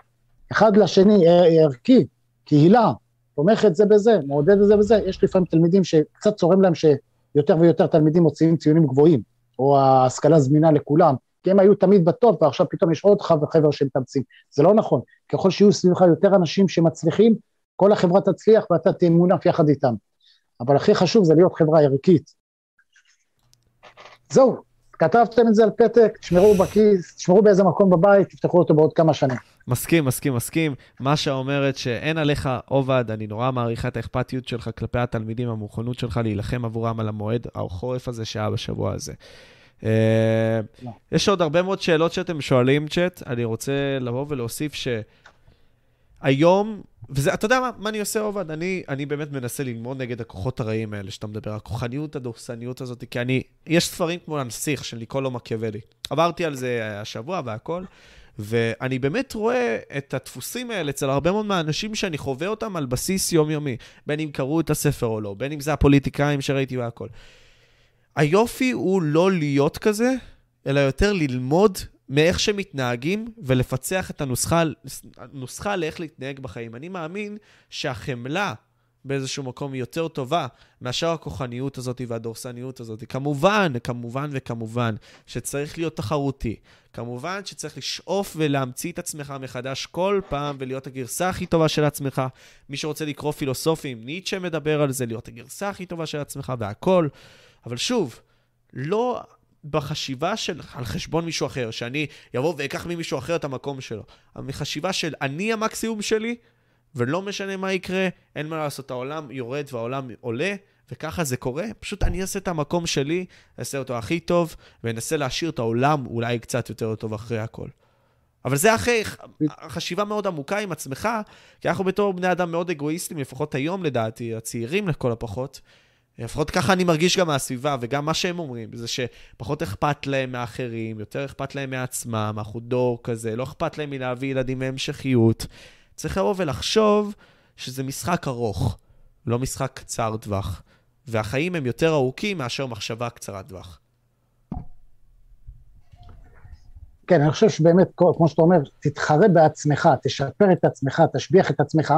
עכשיו אני אסביר לכם, אז אם תלכו בדרך הזו, יהיה לכם כסף, יהיה לכם דיור, אתם לא תחיו במצוקה כלכלית, ואני אגיד לכם, אבל יהיה לכם גם סיפוק, אתם תהיו אנשים מאושרים גם בנוסף. אתה יכול להיות אדם עם כסף ועם כל מיני, ולמלא את הצרכים החומריים שלך, אבל מתוסכל, ממורמר, קם בבוקר כל יום למלחמה, עצבני, איכות חיים ירודה, באמת באמת. אתה גם לא תהיה מודע לזה, אתה יודע, לא תהיה מודע לזה, אתה חי בגיהנום ולא יודע שאתה בגיהנום. נכון, לגמרי, אתה לא תהיה מודע, לגמרי, אתה מריר לגמרי. ואתה לא יודע את זה, אתה לא, אולי מסביבך רואים את זה אנשים שאתה אדם מריר וזה, אבל אתה תהיה מריר ולא תשים לב.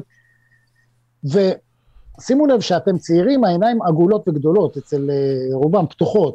ככל שהם מתבגרים הן נעצמות יותר, מהעוינות הזו וכל פעם התככים והמזימות. נו, תהיו כמו שיש שוחים במים, תלכו ככה, שוחים יותר מדי נגד הזרם, תלכו עם הזרם של החיים, לא עם הזרם של החברה, עם הזרם של החיים, ואז יהיה לכם גם שלווה נפשית ואיכות חיים מאוד גבוהה, איכות חיים מאוד גבוהה. יש שאלה, יש שאלה שאני באמת, אני רוצה לסיים גם, אבל יש שאלה שמלא אנשים שואלים, מלא, בפה אחד.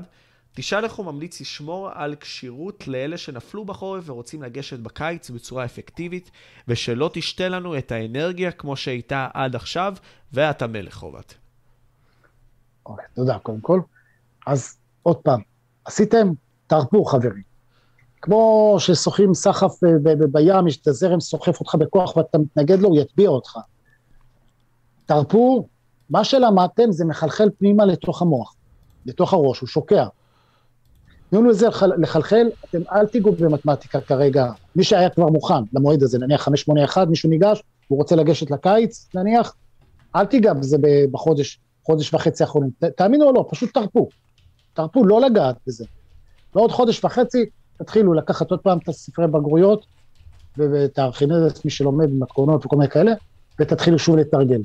בהתחלה יראה לכם כאילו אתם מנקים אבק, אבל זה הכל יתחדש במהירות, ואתם תהיו ברמה הרבה יותר טובה ממה שאתם היום.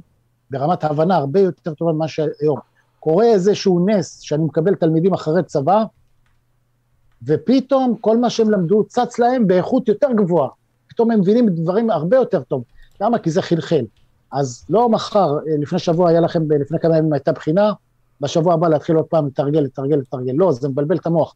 תנו לזה לשקוע, חודש וחצי, תנו לזה לשקוע, תבואו בעוד חודש וחצי, תתחילו לתרגל שוב, באיזי.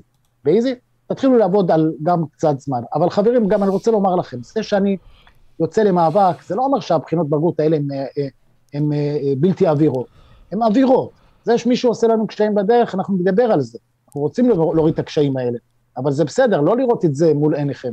בגלל זה שאומרים לי בוא תצטרף לקבוצות מאבק, פה, שם, אה, איך קוראים לזה, עצומות, אני אומר, עזוב, תנו לי לעשות את זה בדרך שלי, את המיילים שלי לכתוב, את זה, אני אטפל לכם אחורי הקלעים בדברים האלה, אתם תעשו את מה שצריך לעשות, ויהיה בסדר.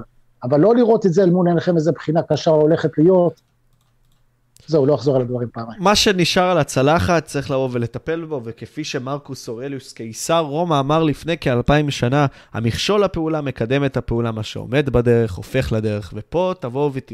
פשוט, מה שיש לכם על הצלחת, בינתיים תתרחקו מן הפעולה, בשביל לחזור לפעולה יותר חזק. זאת אומרת, גם מבחינה מוחית, אתה יודע, אתה לומד כל כך הרבה, אתה רוצה עוד ללמוד? לא, אל תעשה את זה.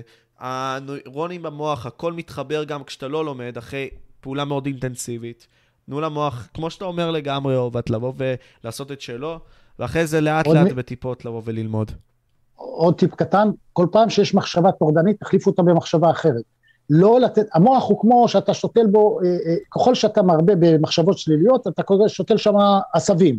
לגמרי. ככל שתחשוב דברים טובים יותר, לא לעשות את זה באופן מלאכותי, לחשוב על דברים אה, יפים ככה בקטע רוחני, אלא כל פעם שיש מחשבה שלילית, תחשבו על משהו אחר, תחשבו על הקבוצת כדורגל שלכם, על המשחק שלכם, על משהו אחר, כי המוח שלנו לא יכול לחשוב במקביל על שני דברים, דרך אגב. תמיד בכל רגע ורגע הוא חושב על דבר אחד. ולכן אם נכנסה מחשבה שלילית, תדחקו אותה במחשבה אחרת, זה אימון מוחי, זה אימון שגורם למוח אה, להיות מנוטרל מדאגות, מכל מיני תובנות שליליות ודברים כאלה. אני חושב שאנחנו דיברנו הרבה, ואנחנו גם יכולים לדבר הרבה מאוד זמן, אני ואתה אוהב, כן, כבר כן. קרה. אה, טוב, אני מעריך אותך מאוד, מעריך אתכם צ'אט, במידה ואתם לא עוקבים אחרי עובד, מה שאני מאמין שלא, אה, הלינק למטה ב description, בתיאור למטה, תיכנסו, או אם אתם לא יודעים איך קוראים לו ביוטיוב, היופי הוא ששמו הוא בעצם ערוצו, וזה אומר שאתם רושמים עובד לב-ארי ואתם מוצאים אותו. אה, אישית, עוד פעם אני אומר, עובד עזר לי במישור האישי בארבע יחידות, הייתי... כלומר, נער עם הרבה מאוד רצון ללמוד והכל ולהשכיל, אבל יצאתי מהבית ספר ועשיתי את זה שם, כשנגיד סתם היו הפסקות והכל, אבל כשהייתי צריך בבית ספר להיות, עובד נתן לי את השיעורים האלה, הוא לא ידע שהוא אפילו עושה לי את השיעורים האלה, הייתי יושב כזה בין לב קרוב רחוב, עושה את הכל, לומד הכל, והוא עזר לי מאוד, ותשמע, כאילו, תמיד אני מודה לך על זה, תמיד אני אודה לך על זה, כי זה באמת היה, באמת. כיף, כיף. טוב, אני מאמין שגם אני לא היחידי ויש פה מלא כאלה. טוב, יאללה, עובד לממשלה אנשים רושמים, ואני מאמין שפשוט תמשיך לעשות את העבודה שלך, ובתקווה תעשה כן. אותה כל פעם יותר טוב, יותר טוב, תגיע לכמה שיותר אנשים וזהו. יש לך משהו אחרון שאתה רוצה להוסיף? או, עכשיו רק שיהיו מאושרים, יצחקו, וכן, דיברנו עכשיו מספיק. יאללה, אני הייתי משה פבריקנט מהערוץ משה פבריקנט, וזה היה עובד לברים מהערוץ עובד לברים. והיינו ביי, פה, תיכנסו. לאתר קיבינימטיקה במידה ואתם לא נכנסתם לשם בשביל ללמוד ולהחכים בכל מה שקשור למתמטיקה ועוד דברים. היינו פה. ביי. הנה אנחנו בעוד פודקאסט של משה פבריקנט. בואו נתחיל.